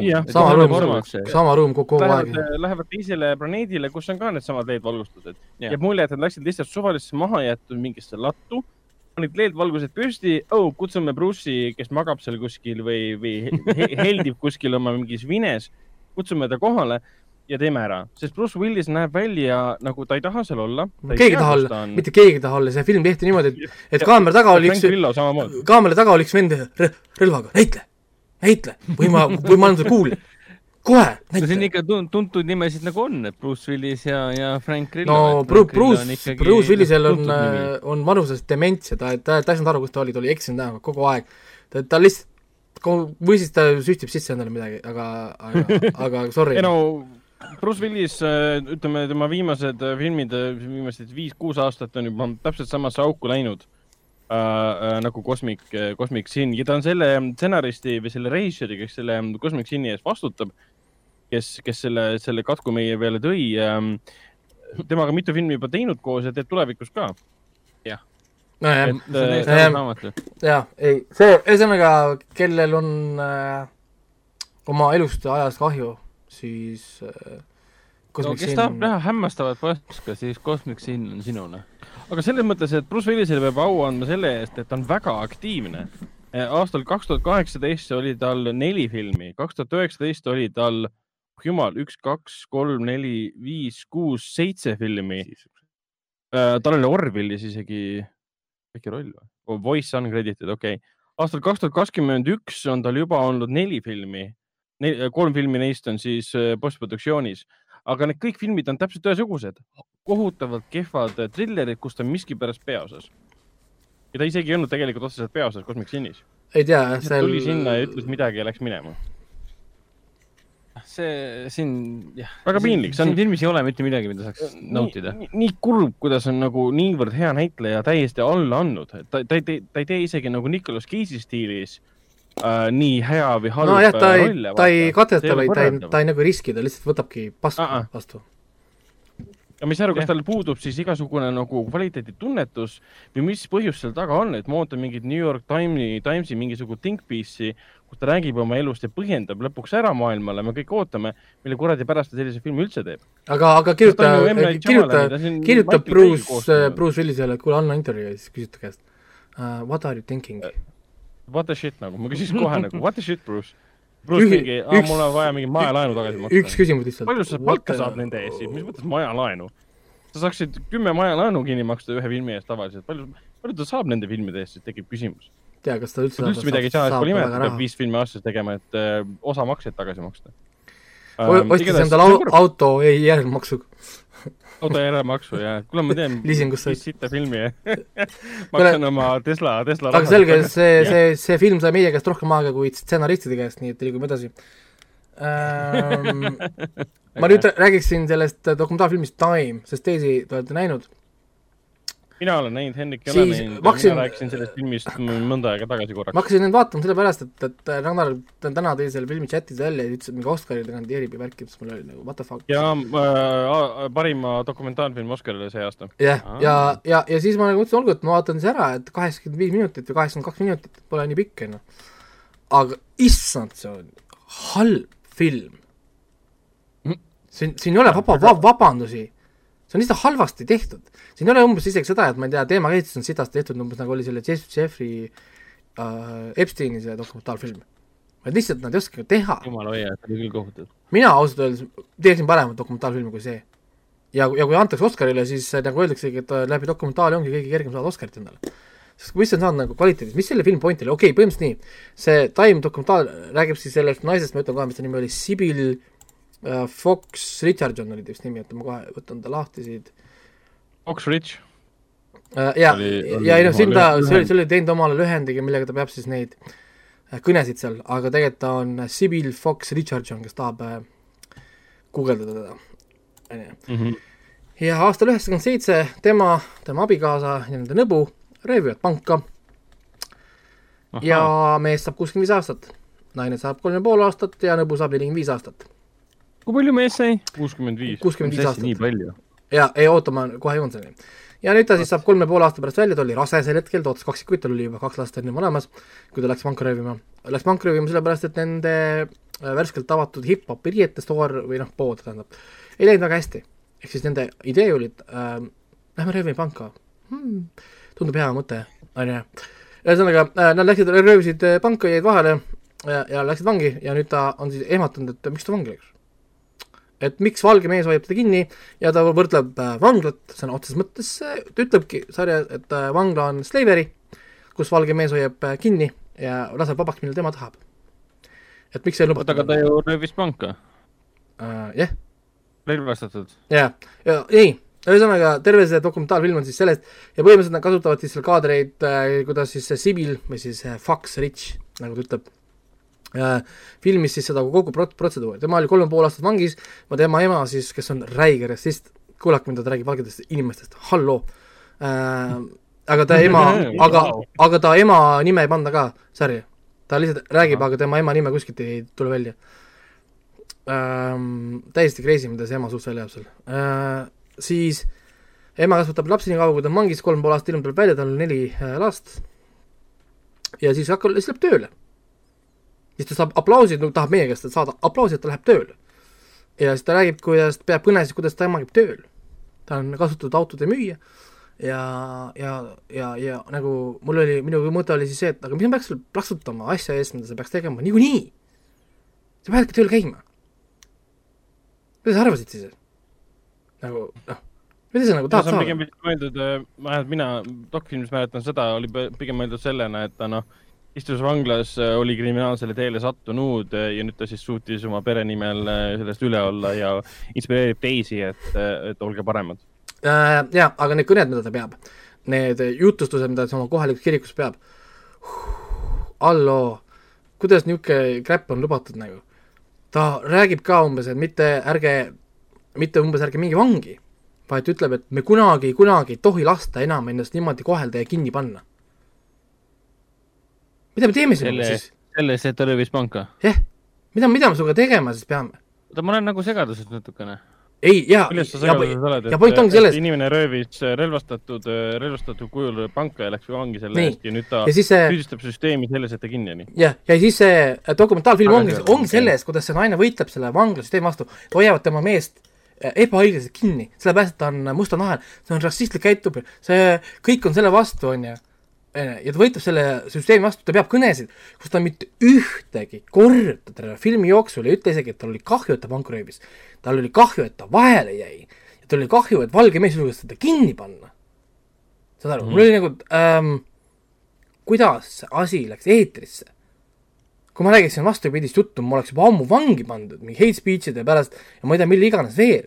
ta käib kõnesid, kõnesid pidamas, on ju. ja siis, kui keegi teeb talle muidugi teene, siis tal on kohe thank god. Ta ei ütle inimestele kordagi thank you, on ju.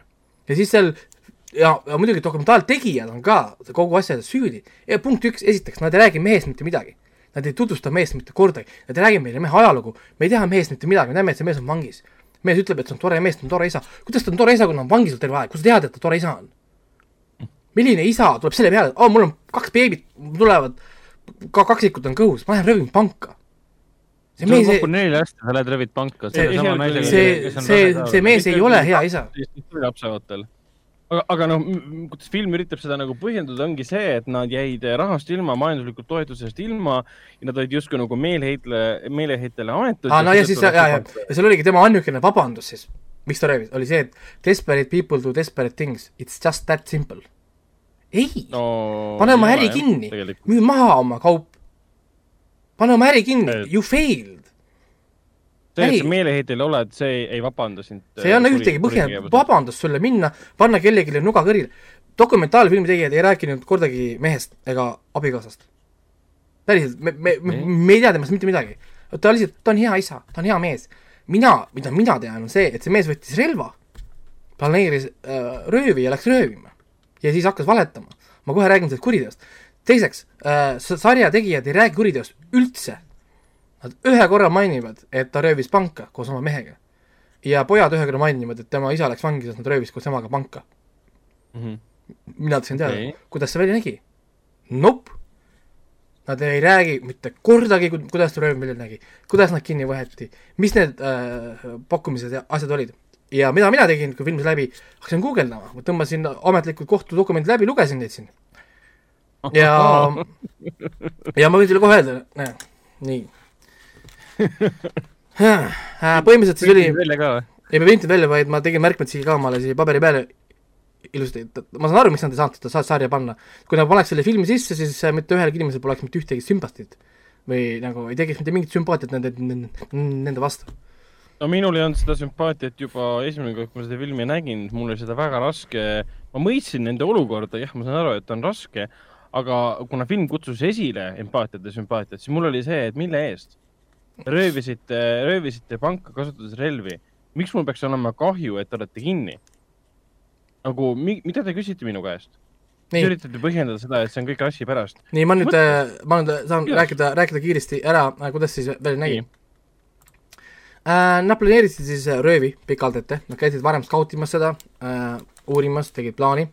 Esiteks, pank asus ühe minuti kaugusel politseijaoskonnast okei okay. uh,. High IQ moment on ju. Nad ei teadnud seda või? okei.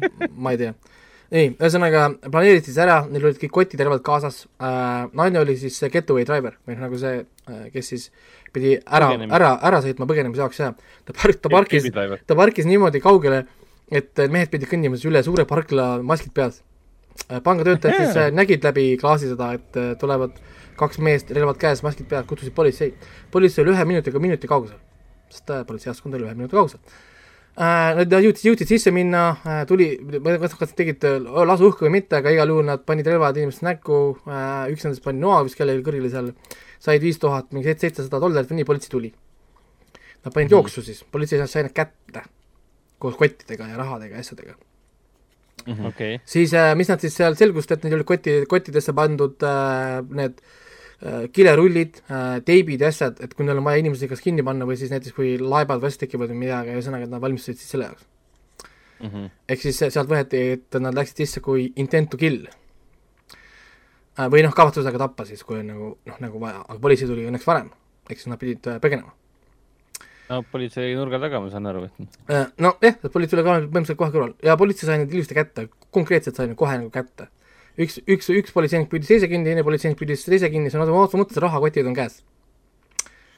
Okay.. nii, jah.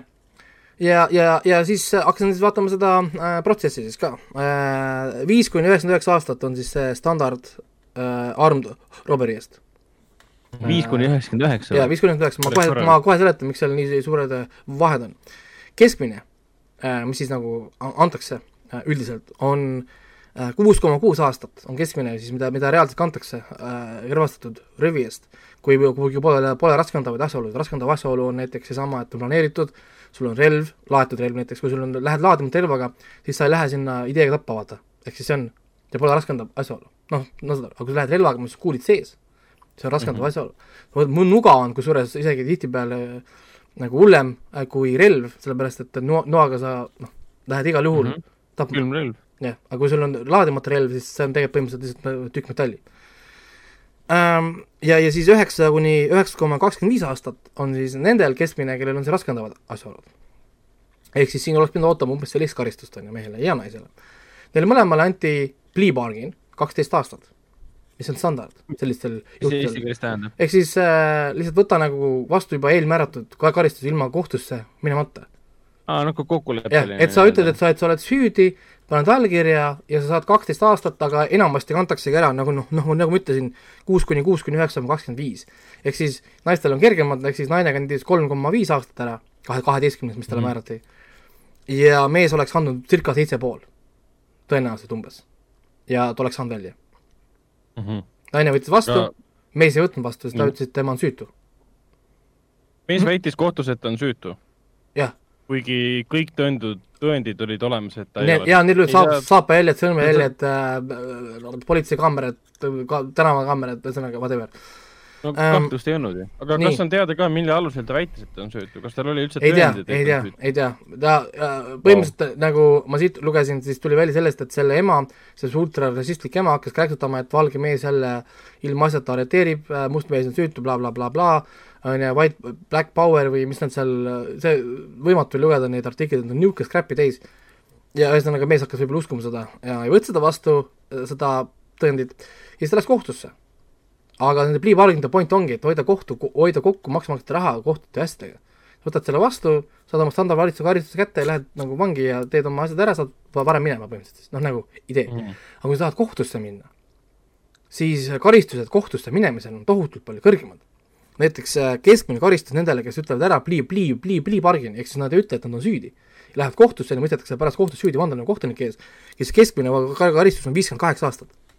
sa kurat. Kohutav ju. Armed robberies, no jah yeah., üheksakümmend üheksa, üheksakümmend üheksa koma kolm protsenti relvastatud röövijatest võtavad, võtavad vastu selle plea bargain'i, kaksteist, kaksteist aastat. ja, ja siis kannavad sealt kuni, mis oligi siis kuus koma kuus kuni üheksa koma kakskümmend viis aastat, kannavad selle ära mm. -hmm. ja need, need null koma seitse protsenti, kes ei võta siis seda vastu väidavad, et nemad on süütud, siis nendest, kes mõistetakse reaalselt süüdi, keskmiselt nad saavad viiskümmend kaheksa aastat. ja see mees sai kuuskümmend. mitte, isegi mitte nagu kuuskümmend viis. Tekitab nii palju küsimusi, kas ta tõesti lootis, et, et kohtus ta jääb süütuks või? ja, ja siis see on, ja, ja siis see nõbu, see teine sai nelikümmend viis aastat. ehk siis kuuskümmend ja nelikümmend viis. ja, ja, ja siis muidugi ka, et on süütu või? mõlemad ütlesid jah, et nad on süütunud, et, et nad ei teinud okay.. siis Aha. ma räägin, ja siis vaatad seda filmi, kuidas see naine ei tunnista kordagi, et ta tegi midagi valesti. ainult valge mees on süüdi, et tema vahele jäi. Et vangla on moodne orjandus, kus valge mees dikteerib, mida must äh, mees võib teha, millal ja kuidas. on ju, siis ta, siis ta kräunus selle peale, et ta ei saa isegi mehega rääkida, kaks tundi kõne ja pannakse kinni. enam mida ma siis guugeldasin, oli see, et vägivaldsetele kurjategijatele antakse üheksakümmend minutit kõneaega, erijuhtudel saab kaks tundi. ehk siis ta on mees on erijuhtum, ta juba saab rohkem kui teised vägivaldsed kurjategijad mm. -hmm. miks nii? nii, ma saan ainult mehes eh, naha kaks korda kuus, kaks tundi. Jälle guugeldasin, oo näed, vägi, vägivaldsed kurjategijad Louisiana State Penitentiary saavad äh, kuus kaks tundi. miks, miks temast saab kaks korda kaks tundi? jah, siis see on, ta on üle, üle standardi juba tegelikult, ta saab juba erikohtlemist. nii, jah, okei okay,, nii, siis seadused muutusid mingi hetk, on ju, et siis riigil oli vähe raha, et need vanglad üleval hoida, siis äh, toodi mehele tagasi siis see võimalus saada parool, ehk siis varem välja mm. -hmm. mees oleks saanud välja juba viieteistkümnendal aastal. Advo-, advokaat ütles talle selgelt, et kui sa lähed sinna, selle äh, nii-öelda nagu siis selle ette, selle parool, ma ei tea, mis on eesti keeles parool? Rule officer. järelevalve ohvi-, ohvitser või? või no ma ei tea, ühesõnaga sa lähed sinna ette, kus on see komitee, kes otsustab, kas saab välja varem välja või ei saa, et näita välja ja. kahetsust. ütle, et sa vabandad selle eest ja palun nendel teenet, et su lapsed tahavad isa saada, ta kuus last oli, sest ta, ta sai vahepeal veel lapsi, kui mees oli vanglas, ta käis seal nendel küla, külastustel mm.. ehk siis, jah, ehk siis tal on kuus last, advokaat ütles talle selgelt, sul on kuus last, mine sinna, ütle, et sa kahetsed, sa tegid kõik nagu ära, vabanda, lihtsalt ütle, kahetsused, tegin valesti, valed otsused äh,, lase mees koju, laste juurde. mul on äh, auto, see kasutatud auto müük, meil on rahaliselt kõik hästi, on ju, me saame hakkama. mis sa arvad, mida see tegi, see naine? no. Ta läks sinna sisse, et äh, valgetel ei ole õigust mustadel niimoodi teha, mustadel kunagi, kunagi, kunagi ei tohi niimoodi alla suruda, peab mingisugust äh, nonsense asja. ja siis esimene otsus tuligi, et kuna ta ei näita välja kahetsust, ta ei tea mitte midagi, siis järelikult ei ole veel aeg piisavalt täis. peab veel, peab veel, veel istuma. tundub, et nad üritasid siis tema nagu kinnipaneku järel äh, tema ümber luua mingit liikumist, aga seda on võimatu ju teha, kui inimene on süüdi nendes no, asjades, kui talle, talle pole ülekohut äh, tehtud tegelikult, kõik on olnud täiesti standard. ja, ja, ja, ja siis täiesti nonsense. väga palju neid, kes vaatavad, et issand jumal, et siis, ma, ma ei tule sinuga kaasa. ja siis seal enamus infot, kõik, mis ma teile räägin, ma sain ise guugeldades. see dokumentaal ei anna mulle mitte midagi. ma pidin ise otsima selle info. teiseks, kuidas ta lõpuks sai siis välja, filmi lõpuks ta saab välja kakskümmend kolm aastat vist istus kinni, kakskümmend kaks aastat. ta sai välja sellepärast, et see dokumentaalitiim läks neile appi. dokumentaalitiim tegi ise ära, võttis selle naise sealt vahelt ära, öeldigi talle, et me teeme ise ära mm. -hmm. ja käisidki, vabandust palunud, kirjutasid, kirjutasid ilusa kirja, lasid mehel kirjutada ilusa vabanduskirja ja lasti koju. ainult sellest piisas? kogu aeg ainult sest tal, advokaat ütles talle mitu korda, ära mine sinna jõudu näitama, nad näitavad sulle jõudu vastu, sina kaotad mine sinna, ütle, et sul on kahju, et sa seda röövisid. sul on kahju, et, et sa jätsid oma lapsed ilma emata, mine lihtsalt räägi nagu normaalne inimene. ei, ta ei suuda. ta peab minema sinna esinema. Sorry nagu, aga what the fuck, noh. miks see, miks see pass kandideerib paremale kuradi Oscarile, pange põlema seda filmi oh.. ja no lihtsalt see on halvasti um... tehtud dokumentaalfilm, miks ma, miks ma, miks ma pean seda infot otsima? kui kogu asi käib kuritegevuse ümber, miks sa ei räägi kuritegevusest üldse? Saad aru, see, see on see, miks nad vangi läksid, miks sa ei räägi dokumentaalfilmis, miks nad vangi läksid? miks sa lased meil uskuda, et kuidagi süütune läks, läks, läks vangi, anna meile kaamera video footage, pane see kaamera footage, kuidas nad relvaga vehkisid, kuidas nad panid nugasid kõridele, pane see, kõik näita meile seda dokumentaalis ja ma tahan näha, kui palju inimesi sulle kaasa siis tunneb. maini mulle seda, et talle anti kaksteist aastat võimalust ja mees ütles, et, et ei taha. nojah, nad ei saanud seda sisse panna, sest nad noh, lõid, lõid teatava eesmärgiga selle filmi. Neil on oma, oma narratiiv oli dokumentaalne. ei, see, see, see oli, see oli, see oli, ei, ei, see oli täiesti nonsense, siis nad ütlevad, kuule, et näed, et mustanahaline, ta sai ebanormaalselt kõrge karistuse sealt selle arve, rebastatud röövi eest, kuuskümmend aastat, see tundub suur number, on ju. tundub no, täiega suur, suur number. aga keskmiselt antakse pliipaargint, ta ei võtnud seda vastu. ja keskmine viiskümmend kaheksa, ehk siis ta sai kaks aastat ainult üle keskmise. protsentu-, protsentuaalselt on see üks kolmekümnendik. ühe kõrgema kui karistus keskmine, ehk siis ta sai keskmise karistuse, täpselt selle, mida antakse nendele, kes ütlevad, et nad ei ole süütu, nagu süüd, nagu noh, et nad ei ole nagu süüdi. ja see raskendavaks asjaoluks ongi see valetamine, sa ütlesid, et sa ei ole süüdi, aga sa oled süüdi. ja nüüd sa raiskad meie kõigi aega ja raha ja maksumaksja raha. ja nüüd enam ei paku sulle keegi kahte, kaksteist aastat. keegi ei paku sulle kakskümmend, kolmkümmend aastat. nüüd me räägime kuuskümmend aastat. ise sina tahtsid seda. uskumatu, uskumatu lugu. nüüd ma, nüüd, ma pean ka selle ära vaatama ja siis guugeldama ka. ja see muusika, mul hakkas pea valutama lihtsalt. kelle fucking idee oli see mingi stabiilne klaverisoolo sinna taha panna mingi tund aega, ma lihtsalt oh,, pane kinni see. ma, ma lõpuks paningi heli, heli alla, ma ei suutnud kuulata enam seda lihtsalt. terve aeg lihtsalt mingi veider, mingi aeglane, mingi džässklaver, mingi bluusiklaver käis taga. terve aeg. kogu aeg, nagu kogu aeg ma peaks olema nagu kuidagi kurb või kaasa elama neile või? Meil oli nagu, ma, ma, ma, ma ei tea, ma ei saa aru ei no kindlasti filmitegijate jaoks on see suur saavutus, et nad Oscariteni jõudsid, sest ega see mingi suure produktsiooni ettevõte nagu ei ole ja see film on nagu indie-film, indie-doks igati, igatipidi. aga teie kirjelduse järgi ma ei saanud täpselt aru, kuidas see üldse nii kaugele jõudis. see on, see on halb no,, see on jube. aga siis tundubki, et need hindajad, akadeemia liikmed, need viis tuhat pluss liiget, kes seal on, lähtusid sellest, mis on dokfilmis. Ja kui sa lähtud dokfilmist ja ei, ei tea konteksti või ei uuri konteksti, nagu Raiko seda tegi, siis sa vaatadki, et milline ebaõiglus, milline, milline liikumine. see on, see on kogu aeg niimoodi ja..., see, see on kõikides nendes dokumentaalfilmides kogu aeg, kui nad teevad seda, et on üldse mitte dokumentaalfilm, see on üldse internetis. inimesed võtavad, ütlevad mingid debiilsed numbrid, ütlevad, et oo oh, näed, Kari Veepoist näiteks on palgalõhe või asjad. sa kuuled seda numbrit, sul tuleb kohe loogikalõks tuleb vastu. siin samamoodi. ma ei usu, et ta sai kuuskümmend aastat niisama relvastatud röövi eest, räägi mulle, mis kuritegu see oli, kirjelda mulle protsessi. Nad ei kirjelda seda, ehk siis kohe hakkad vaatama, ah selge, sellepärast ta sai mitte sellepärast, et ta oli mustnahaline. nagu see, see palgalõhe teema on umbes, et noh, aga miks me siis ainult naisi palka tegema sama tööd, kui naised teevad sama tööd odavamalt, on ju. Mm. see on juba esimene kohe loogika, loogika lõks tuleb, et tõenäoliselt ei ole, on ju, palgalõhe olemas. aga no see selleks. ma räägin, see film rikkus tuju nii ära, et, et kuidas kuradi niisugused, kus on standardid?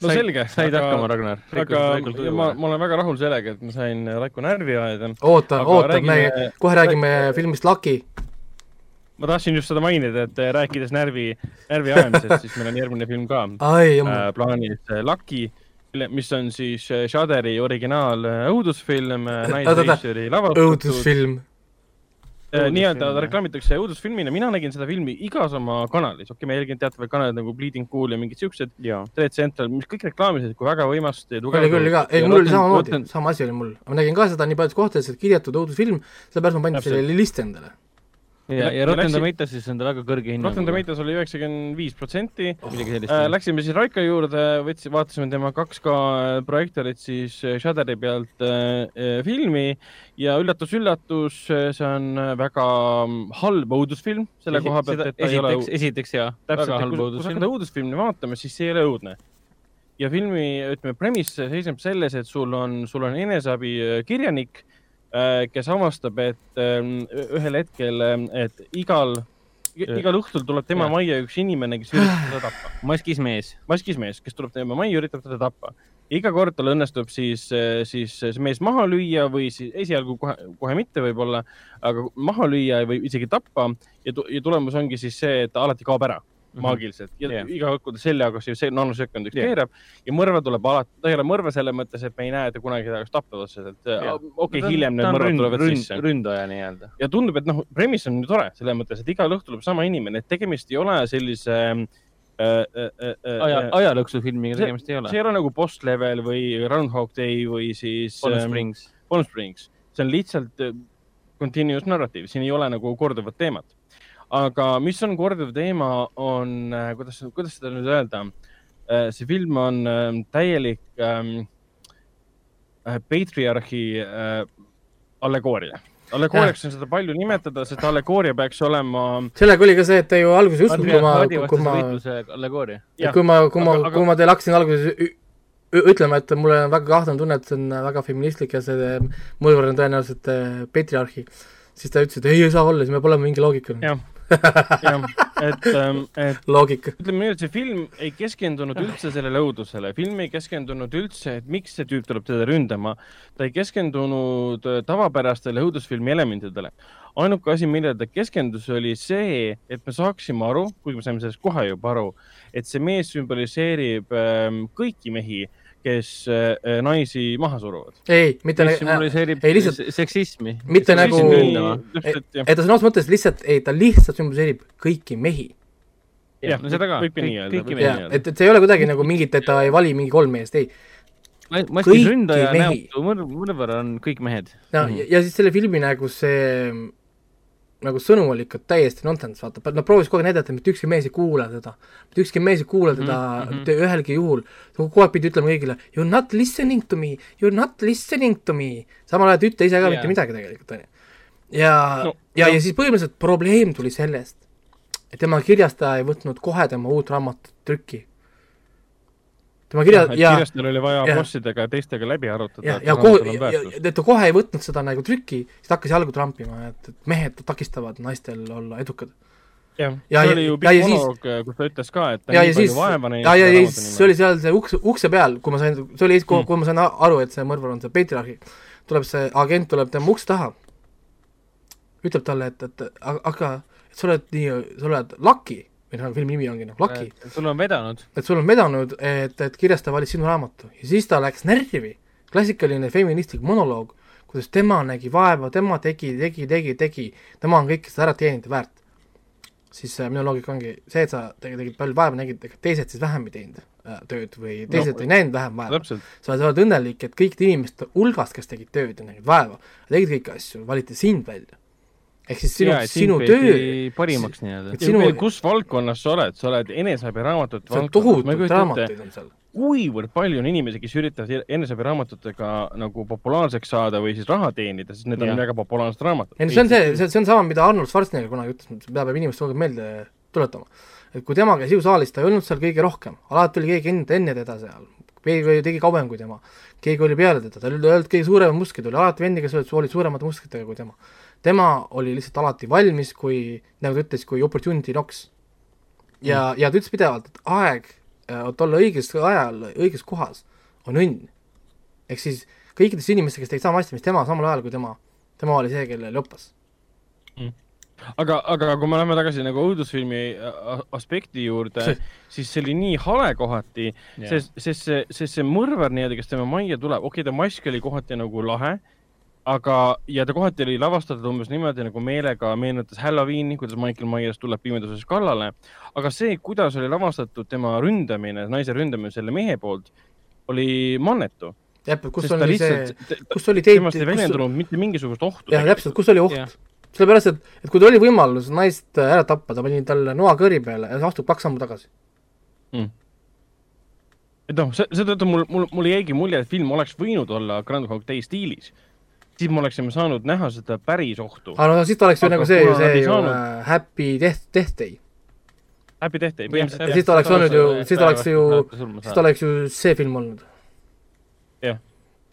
aga, aga see film lihtsalt, äh, talle, talle meeldis see idee e-, sellest nagu liiga palju.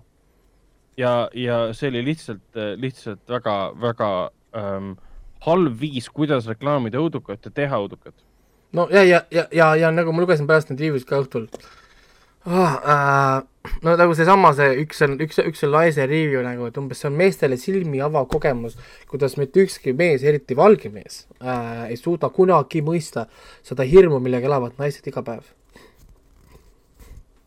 jah et..., see, see käis ka tegelikult filmist. ei, selles mõttes ma saan sellest täiesti aru, see on ka praegu väga, väga teemas, et samal ajal okei okay,, jah aga olgu, aitab siis sellest lakist praegult, äh, ühesõnaga seda ei ole mõtet vaadata, ei ole hea film. Äh, vaatame, räägime edasi siis järgmisest filmist, mis me koos vaatasime, oli Possessor, mis oli juba nüüd kõvasti klassi võrra juba parem kui, kui Lucky.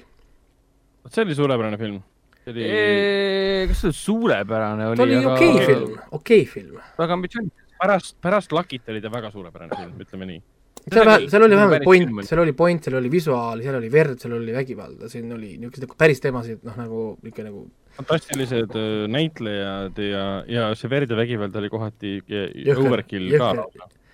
siin pidi, pidi korraks üks..., korraks ära keerama pead ka, kui ta hakkas seda silma välja kokkima, et tõsi, aga enne kui filmiga võib pikemalt räägime, mainin ära, et filmi reisijal on Brandon Cronenberg, kes on siis muidugi ähm, legendaarse David Cronenbergi poeg Brandon ise on lavastanud sellised filmid nagu Antiviral ähm,, mis ta siin. ja, ja Possessor, ta vist ongi teinud mingi ah,. tal ongi lühifilmid ja täispikad. Possessor ja Antiviral on tema ainukesed äh, täispikad ja David Cronenbergi peaks igaüks teadma.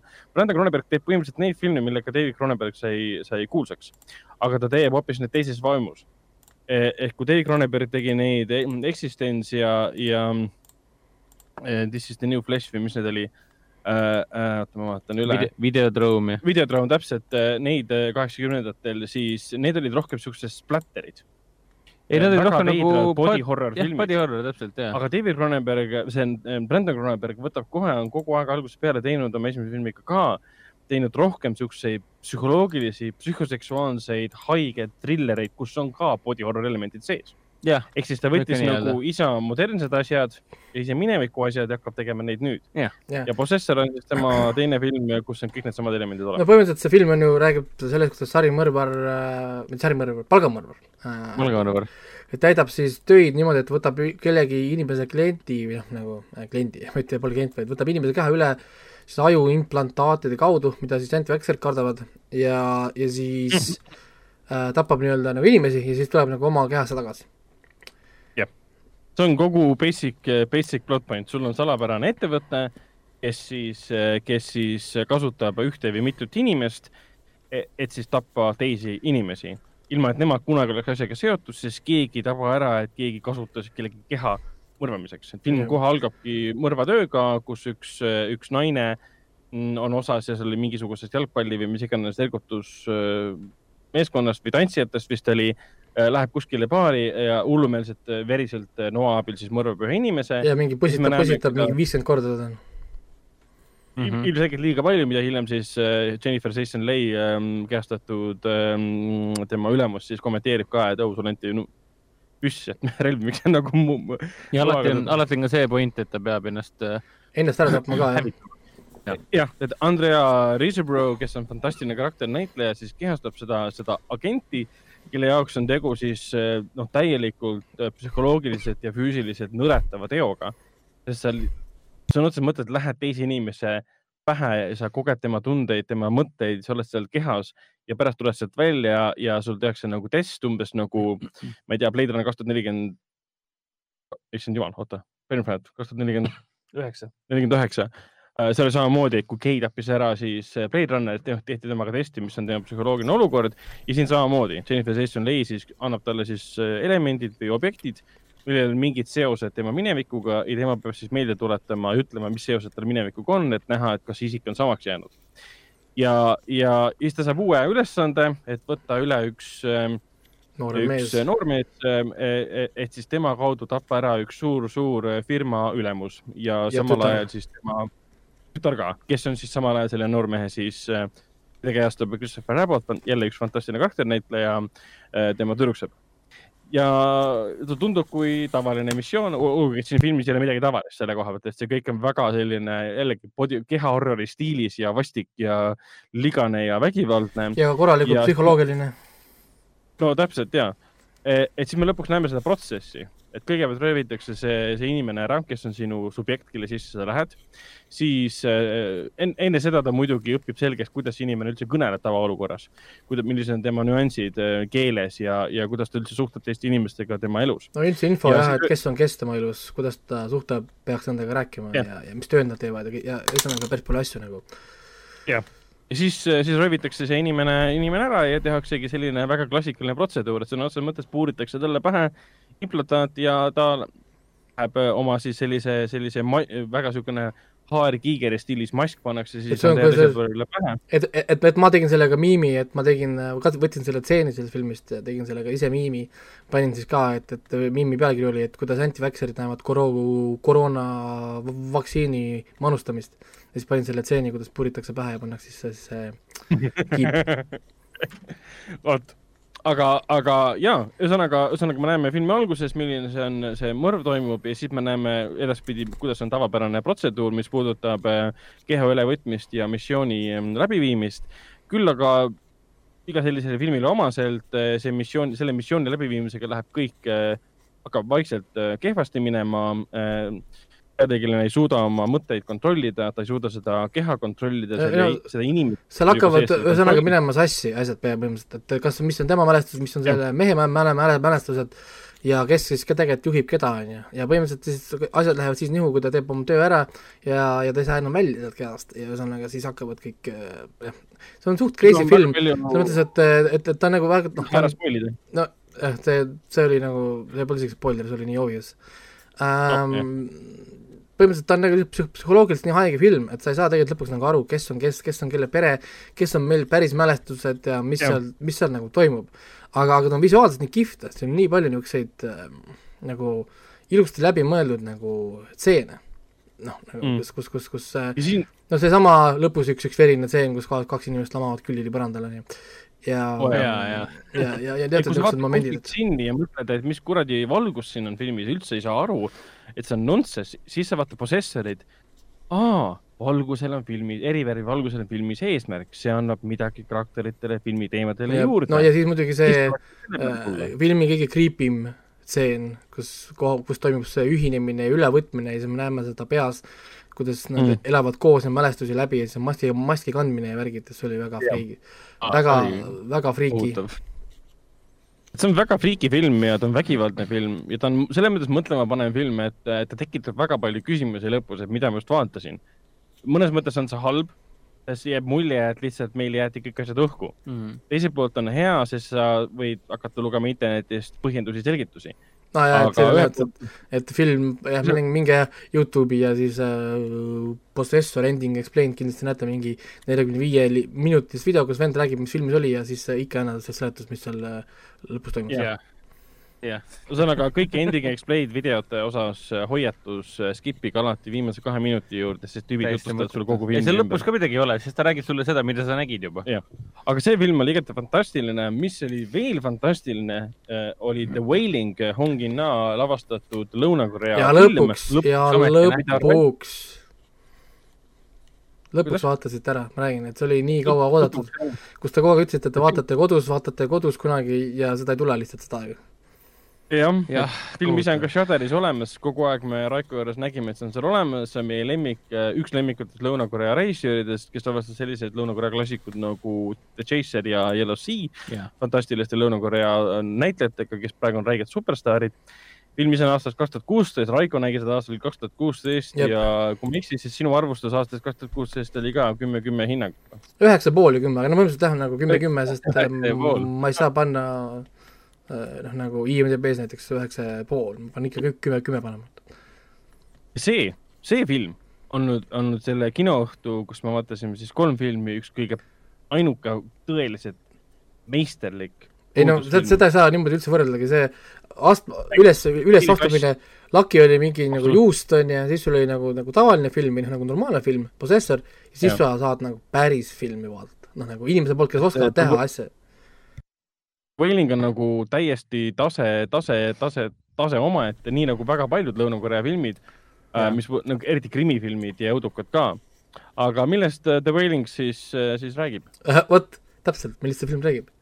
et, et sellest võiks, sellest võiks teha ise mingisuguse viietunnise saate, on ju, proovida seda seletada. aga hästi lühidalt on see, et on väikene küla, mis oli Koksung oli vist küla nimi.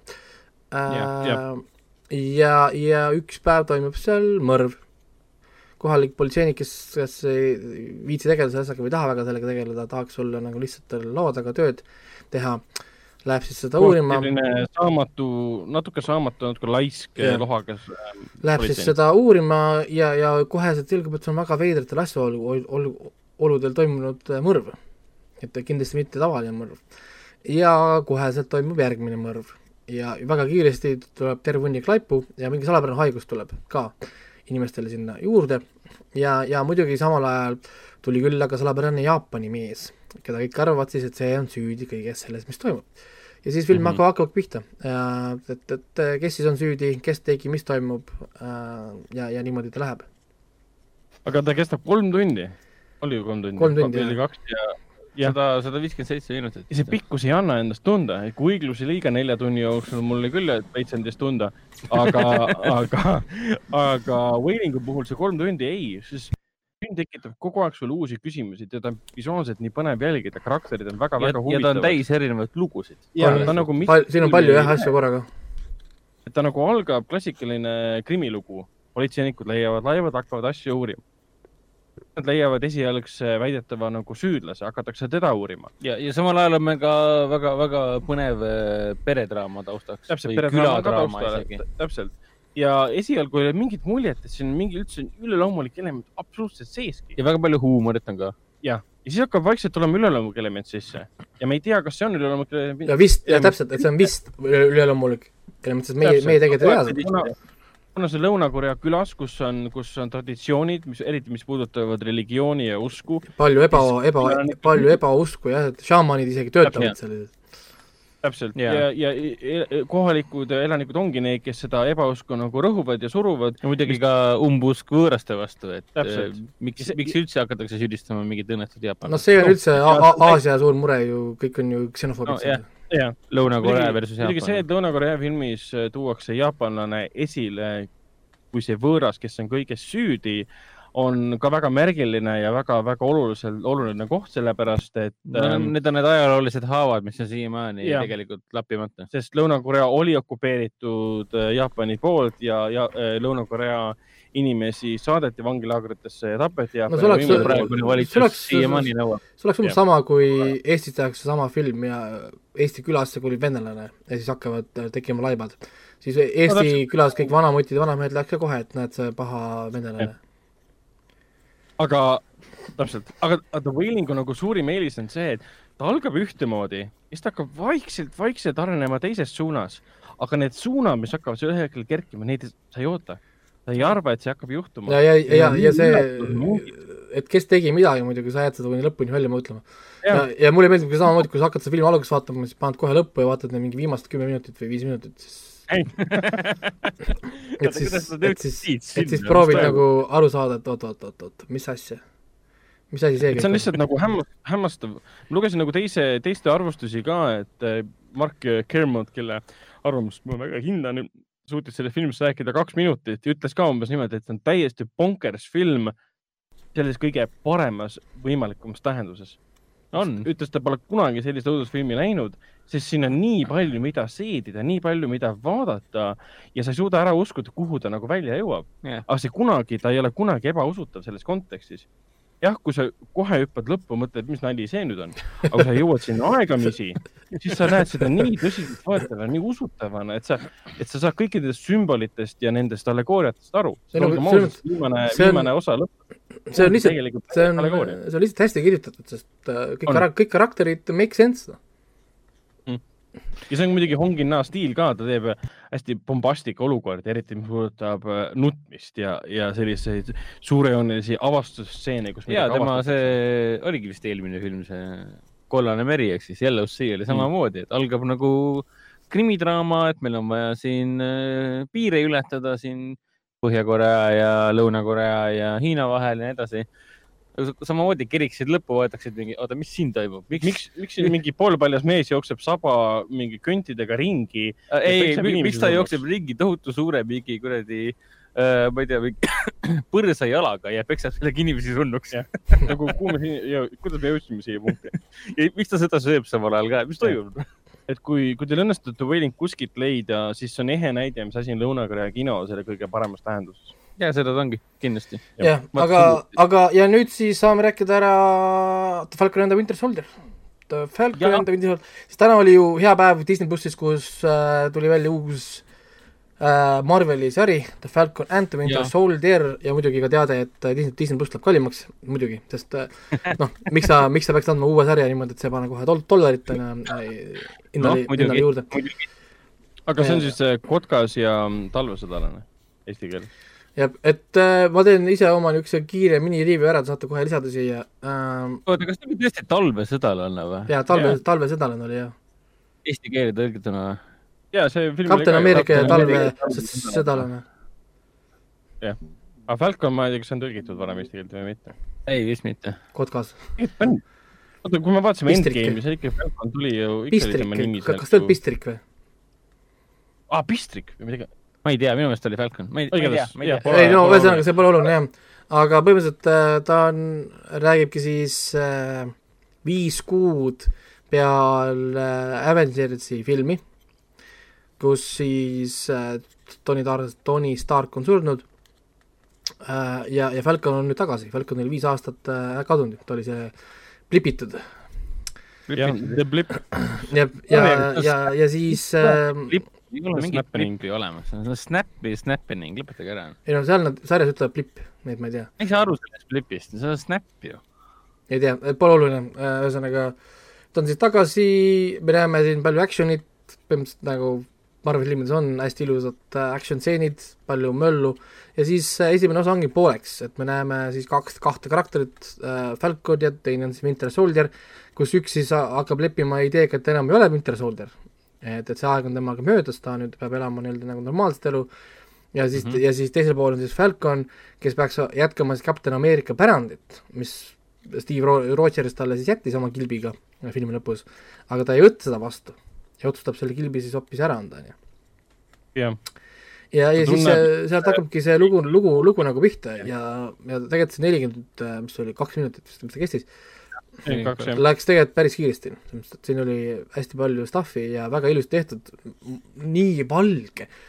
ma räägin nüüd, eelmine õhtu vaatad äh, Justice League'i, nüüd pead panema telefon, telekal brightness'i maha, sest silm, silmad, pupillid enam väiksemaks minna ei saa, vaata.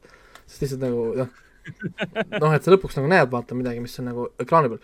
õiguse, õiguse liiga vaatamine oli jah nagu kass kuskil pimedas no.. et minu niisugune ainukene kriitika oli siis see moment, kus, kus ta läheb oma selle õega panka ja nad proovivad mind veenda, et nad ei annaks Avengersile laenu. et nad proovivad mind veenda sellest, et inimesele, kellel on dokumentidega tõendatud ka, et tal on riigilepingud, mis on äh, garanteeritud yeah. sissetulek. ja nad ei andnud talle ja nad ei anna talle laenu mingit kolmkümmend tuhat dollarit, mis on mingi mõttetu summa. Sorry, noh, seal, seal ma isegi siin kontoris ütlesin veel öö, äh, kõva häälega, et, et okei okay,, now you lost me because nagu nope, see never, never, never going to happen ja muidugi see õde karakter hakkab mind juba siin nii närvi ajama. juba esimeses äh, episoodis, kurat, no kirjutage välja see kiiresti, see õde. tapke ära või kirjutage ära või, või andke mingi muu asi talle, aga, aga, aga see peaks kaduma ära. sest mul, ma, ma, ma, ma ihkan neid karaktereid, kelle ainukene eksistents on vinguda rassi üle. nagu lihtsalt, mida sa vingud kogu aeg? nagu oli kogu aeg tal oli ka, sa ei tea, kuidas oli ähm, viis aastat üksinda kasvatada neid lapsi siin mustanahalisena. ja siis, kui me läheme panka, mis sa arvad, et nad annavad meile või midagi või? ja, ja, ja et see on meie jaoks nii tavaline asi. noh, nagu, ja siis, kui see Falcon talle ütleb, et lähme teise panka laenu küsima, ei ole ju mõtet, trambib jalga, ma ei ole ju mõtet, nad niikuinii meile ei anna. Falcon ütles, aga no me küsime. kus, kus, kus sa tead? ehk siis juba jääb see karakter nagu närvi, kui sa, kui, kui sinu kogu eksistents on sinu nahavärvis, siis kao ära, noh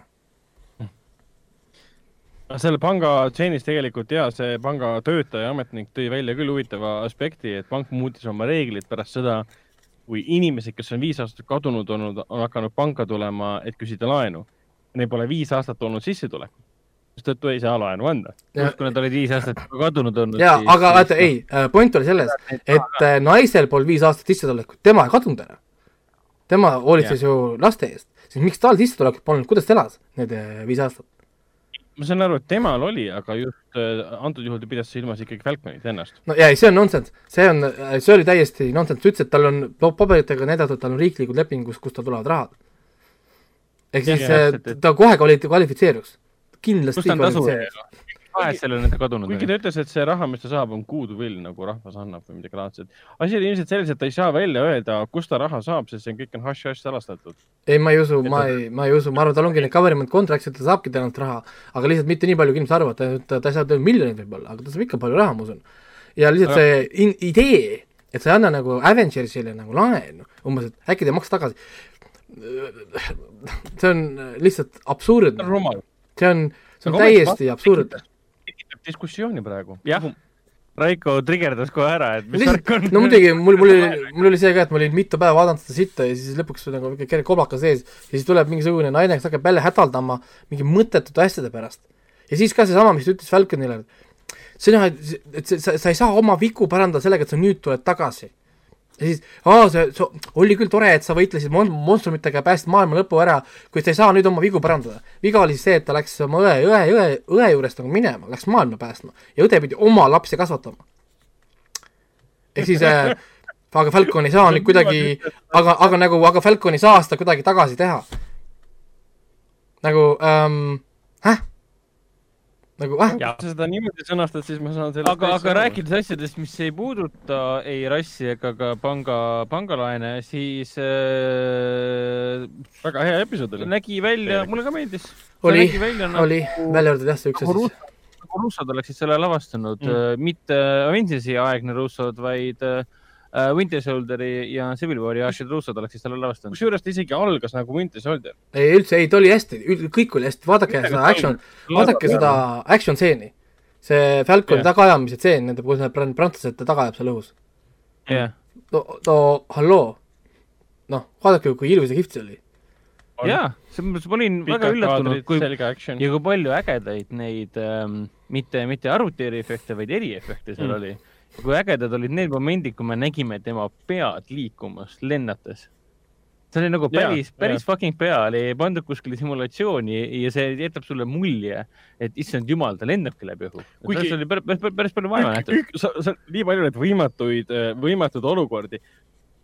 vaatame, seal oli üks koht, kus helikopter lendas ja prantslane kasutas seda kuidas sa nimetad seda lendamisjakk või? nojah, see on mingi wingsuit või seda. jah, kasutas seda wingsuit'i kanjonis lennates ja, ja läks siis äh, äh, kõrvuti siis helikopteriga ja lennutas ennast sinna sisse äh.. mul oli kohe, ma panin pausile, kas see on võimatu? see, see ei ole võimatu, vaata Youtube'is, kuidas seda teevad päris inimesed ka. aga heli-, helikopteri. ja, ja, ja teevad helikopterisse ja lendavadki sellega ja nad, nad isegi maanduvad autodesse niimoodi nüüd on teine küsimus, kas seriaali jaoks tehti seda siis green screen'iga stuudios või tehti päriselt? ma ei usu, et seda päriselt tehti muidugi. miks sa arvad, et see päriselt peaks olema? ma ei tea, oota, millal Corridor Crew hakkab tegema sellest äh,. ma ei tea, ma ei tea, sellepärast et äh, Youtube'is ma olen vaadanud neid crazy sid, äh, neid Wingsuit videosid, need on nii crazy'd, aga nad on ikka nii täpsed oma selle nagu, selle Wingsuit asjadega mm.. et, et no muidugi noh, ma ei usu, et nad riskivad võib-olla filmi jaoks, et helikopteriga sisse nagu minna. samas, kurat sa tead. jah, see on liiga suur risk jälle, et miks sa peaksid ühe seriaali jaoks nii, äh, nii hulluks minema jaa, aga samas, kui ta tuleb nagu niimoodi, tuleb kõrvalt, ise tõstab ennast natukene kõrgemale sisse minna, ma ei tea. ma ei tea, see, inimesed ja eriti kaskadöörid teevad ikka väga crazy'd asju, mida tavainimesed niikuinii niiku ei taju mm.. Et, aga action on tõesti ei, action ja minule meeldis see Winter Soldier väga, mulle meeldis seesama, kus läks selle naisega kohtingule ja need küsimused ja need jutud oh, ja asjad. jaa, väga, väga põnev tegelane, et lõpuks me saame nagu selle talvesõdalase kohta nagu rohkem teada, sest noh, alguses oli, alguses ma ju väga, väga ei läinud temaga kaasa, kui ta esmakordselt välja ilmus siis Civil War'is mul oli kogu aeg see, et mingi, oota, kuidas ta nüüd sellega sõber on, siis ma üldse ei mäleta, et tal üldse mingi suhe oleks selle kuradi Captain Americaga ja nii edasi. ei no kogu see Captain America ja siis Paki suhe ehitati hiljem üles, pärast said aru, et aa, see on asi tegelikult, me peaks seda arendama. no ja, et me olime kunagi Brooklynis sõbrad siis või kus iganes, siis Sest ma ju... mingi, olite või? esimeses Captain okay. America filmis seda suhet ei olnud üldse arendatud tegelikult, et nende sõprussuhet, see tuli hiljem hoopis. no, no aga, korraks aga..., korraks ta käis selle sealt ju läbi, aga see ei olnud nagu mingi spetsial no,. jah aga kuna nii palju filme on möödas, siis nüüd ma nagu reaalselt vaatasin, et issand jumal, lõpuks ometi ma saan seda talvesõdalast nagu päris tegelasena vaadata no,, kuidas ta siin areneb ja kuidas ta no põhimõtteliselt mõtleb sellele, mida ta kõik need aastad teinud on. aga tal on ka vaata Kapten Ameerika saatus olnud, et ta on ka ju vaata, kui pikalt külmutatud olnud ja yeah. ajud on kustutatud et ta on ka tegelikult, mis ta ütles ah,? ei, ei, tema ei olnud külmutatud. Nope, tema oli terve aeg elus, ta üheksakümmend aastat tegi missioone ja tappis inimesi. aga miks ta ei vananenud siis? Sest ta, sest, sest, sest, ta, tal on seesama äh, asi, mis on sellel Steve Rogersil, ega Steve Rogers ka muidu ei vananeks ah.. Aa, see vaata, ta ju, ta ju rääkis, ta ju rääkis ka siin, et ta on üheksakümmend aastat teinud missioone ja tapnud psüh-, psühholoogile. ta on üheksakümmend aastat ainult käitunud, täitnud käske, tapnud ja, ja teinud missioone, ta ei oska enam ilma olla. aga Steve ühel hetkel ju jäi vanaks, vaata, sest Endgame'i lõpus ta jäi vanaks. jaa, aga see oli teisel ringil nii-öelda. nojah aga igal juhul ja see PTSD käes äh, vaevlev talvesõdalane ja siis suurte küsimuste nagu isiklike eksistentsi küsimuste käes äh, vaevlev Falcon, see on päris äge, et nad ei, nad ei olnud veel nagu padi, padikomedi siin. no jah, ja siis, siis see suur cliff, cliffhanger, cliffhanger, cliffhanger. jumal. kellele küll niimoodi, et nagu mis te nüüd tegite? kurat küll. ma ei saa aru, kes see inim-, ma ütlen, mis see oli, aga ma ei saanud aru, kes see inimene seal oli lõpus. See nägu no, oli ikka päris, päris, päris koomiline. aga päris, päris creepy ja ilmetu nägu oli nii-öelda. ja noh, see mingisugune, ütleme, twist, mis seal siis episoodi keskel oli ka nii-öelda, mis puudutas ütleme niimoodi maailm pärast äh, The Blippi nii-öelda tag, ta, inimeste tagasitoomist on nagu muutunud, siis päris põnev oli näha, et päris põnev on näha, et kuidas see Zemo, siin peaks nüüd siis tagasi tulema. aa ah, jaa, õigus. et see on nagu avalik tead, info. jaa, see on treileris ära. Zemo, eks, mis ta on, Helmut Zemo või? Daniel Brühl. Daniel Brühl on siin mm -hmm. see mhm. põhi, põhivaenlane nii-öelda, kas ja kuidas, noh, mitte kas, vaid kuidas ta tagasi tuleb, see oleks nagu väga põnev teada saada. et igatahes noh. aga ma saan aru, ma saan aru, et see Lokil on ju, Lokil läheb siis nõnda, Falconil on ainult kuus, kuus episoodi. no Loki tuleb ka varsti ära, ma arvan. ainult kuus või? Loki tuleb juba, juba juunis, jah aga õnneks keskmine nagu seriaali, nende episoodi pikkus on ju no üsna piisav, nelikümmend kaks minutit, üle neljakümne minuti, et noh. aga kui sul on ju, aga mõtle ka selle peale, kui sul on kuus korda nelikümmend, see on neli tundi, ehk siis Falcon oleks sama pikk kui Justice League äh,. aa jaa, tõsi, on tõesti. on jah, kuus, issand. ainult kuus episoodi, et noh. ehk siis äh, kokku on sama pikk kui üks äh, Justice League'i film aga toimub rohkem. noh, et võime siis täiesti heaks kiita ju. mina kiidan heaks. jaa, e- esimene episood on, on täitsa korralik, ma panin korralik kaheksa ja pool punkti, mul on väga rahul. lihtsalt ainult üks, üks, üks karakter tuleks hästi kiiresti delete saada, kas siis laev õhku lasta või, või midagi, see karakter peaks olema moti-, motivatsiooniks Falconile. aga, aga te peaksite ära, ära kaduma. siinkohal peab muidugi ütlema seda, et kui WandaVision tegi asju teistmoodi vähemalt esialgu tegi teistmoodi, lõpus ta läks võib-olla traditsioonilisemaks, siis Falcon ja Winter Soldier on väga klassikaline. Marvel ja puhas, puhas, puhas Marveli filmid nagu põhimõtteliselt. traditsiooniline loojutustus, traditsiooniline narratiiv, siin ei ole mingeid rabavaid üllatusi, siin on kõik tuttavad elemendid ja mul on tunne, et seda vahepeal ongi vaja. jaa, eriti just see, et ta äh, nagu näeb välja ja tunnetus on sama, mis aga, aga ei, see action on nii kihvt, mulle nii meeldis vaadata, kuidas Anthony mm. Mackie kakleb ja ikka round of kick'id on sirged ja, ja löökidel on tunda power'it taga ja ja noh, nagu kihvt, selles mõttes mulle ikka meeldib, et mulle üldse ei meeldi need kaks stseenid, kus sa näed, et keegi mingi silitab ja vend lendab mingi kuus meetrit, vaata. et sa pead tundma yeah. seda nagu, sa pead tundma seda impact'i läbi ekraani, et tumakina, vend sai vastu nägu ja siis käib mingi latake vastu seina, vaata. et, et, et see yeah. mulle me, meeldib ka nende Kapten Ameerika filmide juures, sest Kapten Ameerika pani eriti head matse kogu aeg, vaata. ikka, ikka kõigile, kõigile jagas jaa, sihuke matsakas poiss ja alati oli tunda ja näha, no eriti kui ta võitles koos äh, Falconi ja teiste inimestega. ei, iga, igal juhul soovitab ja, ja on kõik, aga enne kui ma lasen teid rääkida, ma, mul on see pooleli olev list, ma seda ei, ei hakka ette lugema, see oli lihtsalt meeldetuletuseks, mis mul kõik pooleli on ähm,. ma tahan korraks rääkida kahest asjast, üks oli see Debris ja Numbers mm. -hmm. Äh, ma hetkel vaatasin ära siis selle Debris kolmanda osa ja see oli nüüd esimene, esimene episood, mis mul Debris meeldis uh,. ma ei ole veel jõudnud kolmanda osani. kui esimesed kaks olid täiesti nõrgad, noh nagu alla no, ootuste, ootuste ja, ja igavad, venivad, noh ühesõnaga halvad, siis lõpuks yeah. kolmas episood oli niisugune, kus ma tundsin, et kurat, siin on niisugune mingi X-File'ilik, mingi Fringe'ilik asi kuskilt hakkab välja imbuma. ja, ja, ja täitsa kihvt oli et kolmandas episoodis on näiteks see, kus, mis pole seotud Debriiga, mis on huvitav äh,, vaid loodu-, looduslik fenomen, kus nad näevad 3D ruumis 2D ruumi ja avastavad, et seal sees on mingid olendid. ja proovivad endaga suhelda, ehk siis niisugune mõnus müsteerium, kihvtid niisugused asjad on siin nagu, ehk siis äh, la-, laiendavad seda maailma ka, nad näitavad meile, et see ei pea alati olema Debris, vaid siin maailmas on ka muud maagiat ja niisugust avastamata asja. lisaks peale sellele, noh, nagu selle äh, kos-, kosmoses tulevate asjade siis. no aga siis on ikka lootust, et asi läheb aina paremaks. jaa, ei no hetkel, hetkel ma veel hoian kinni, et ma ikka vaatan neljanda ja ma ikka nagu noh, hoian natukene kinni. sest ma olen noh, varem läinud selle õnge, et ma liiga vara loobun. noh, nagu, ehk siis ma natuke vaatan ja kolmas episood andis nüüd nagu lootust, tõi natuke tagasi. ja, ja siis enamus ajast no, muidugi ma olen äh, vaadanud seda Numbers, on ju, ma rääkisin sellest varem ka, ma olen praegu neljandal hooaja keskel kus, kus olid ka ajad, kus tehti mõnusat kvaliteeti, on ju, siis äh, mul, Numbers tuletas mulle ühe huvitava asja meelde, mis ma tegelikult kunagi tahtsin rääkida doktor House'i juures. Äh, mina ei saa, mina ei saa, mina ei saanud kunagi aru näiteks, et miks nad äh, ei andnud Doctor House'ile nii-öelda nagu professionaalset tunnustust. Need nagu kirjutajatena. ehk siis miks näiteks Doctor House kunagi ei leiutanud uut ravi mõnele haigusele, miks ta ei avastanud mõnda uut haigust nagu, et mis nagu ja, ja. Äh, paneks nagu tsementi tema nime kui oma ala tippspetsialist. antud juhul, mida yeah. doktor House kogu aeg tegi, ta kasutas lihtsalt teiste teadmist, et dia-, nagu diagnoosida.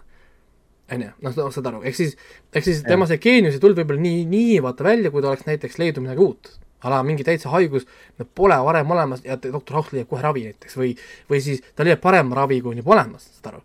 noh, mingi nagu, nagu noh, nagu viis, et teda nagu see, nagu rohkem nagu tsementeerida kui oma ala spetsialist, sest tihtipeale doktor House'is oli see, et miks nad teda tööl hoiavad.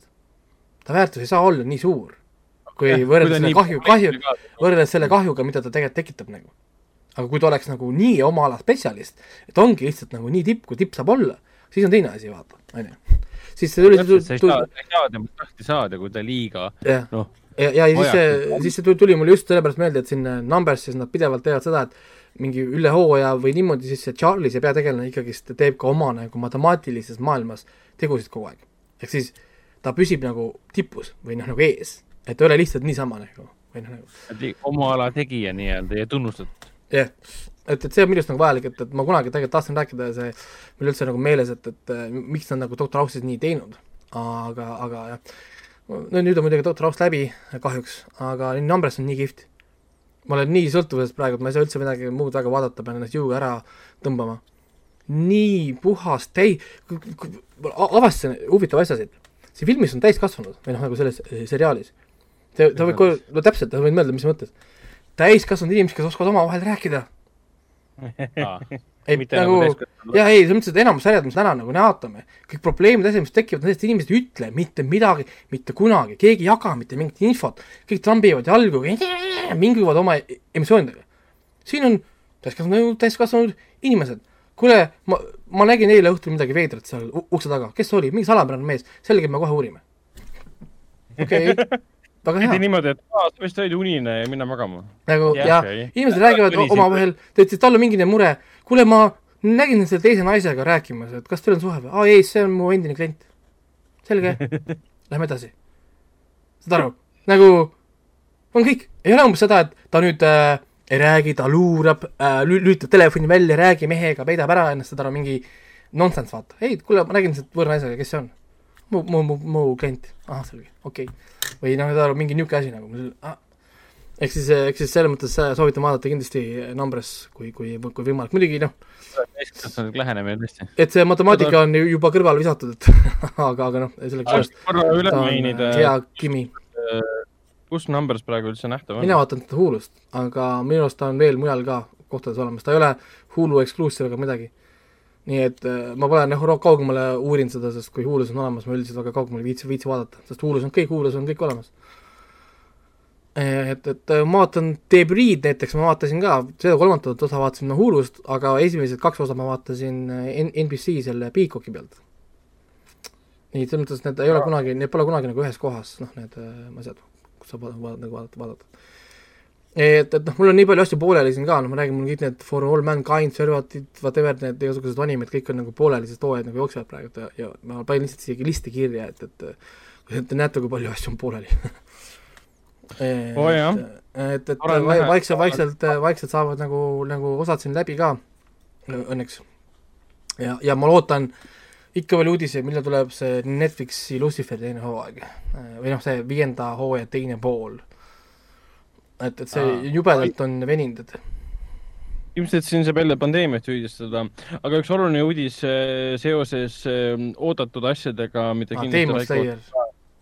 et Demon Slayeri film jõuab siis äh, veebiversioon jõuab siis, kas ta oli juunis? üksteist, üksteist juuni oli vist.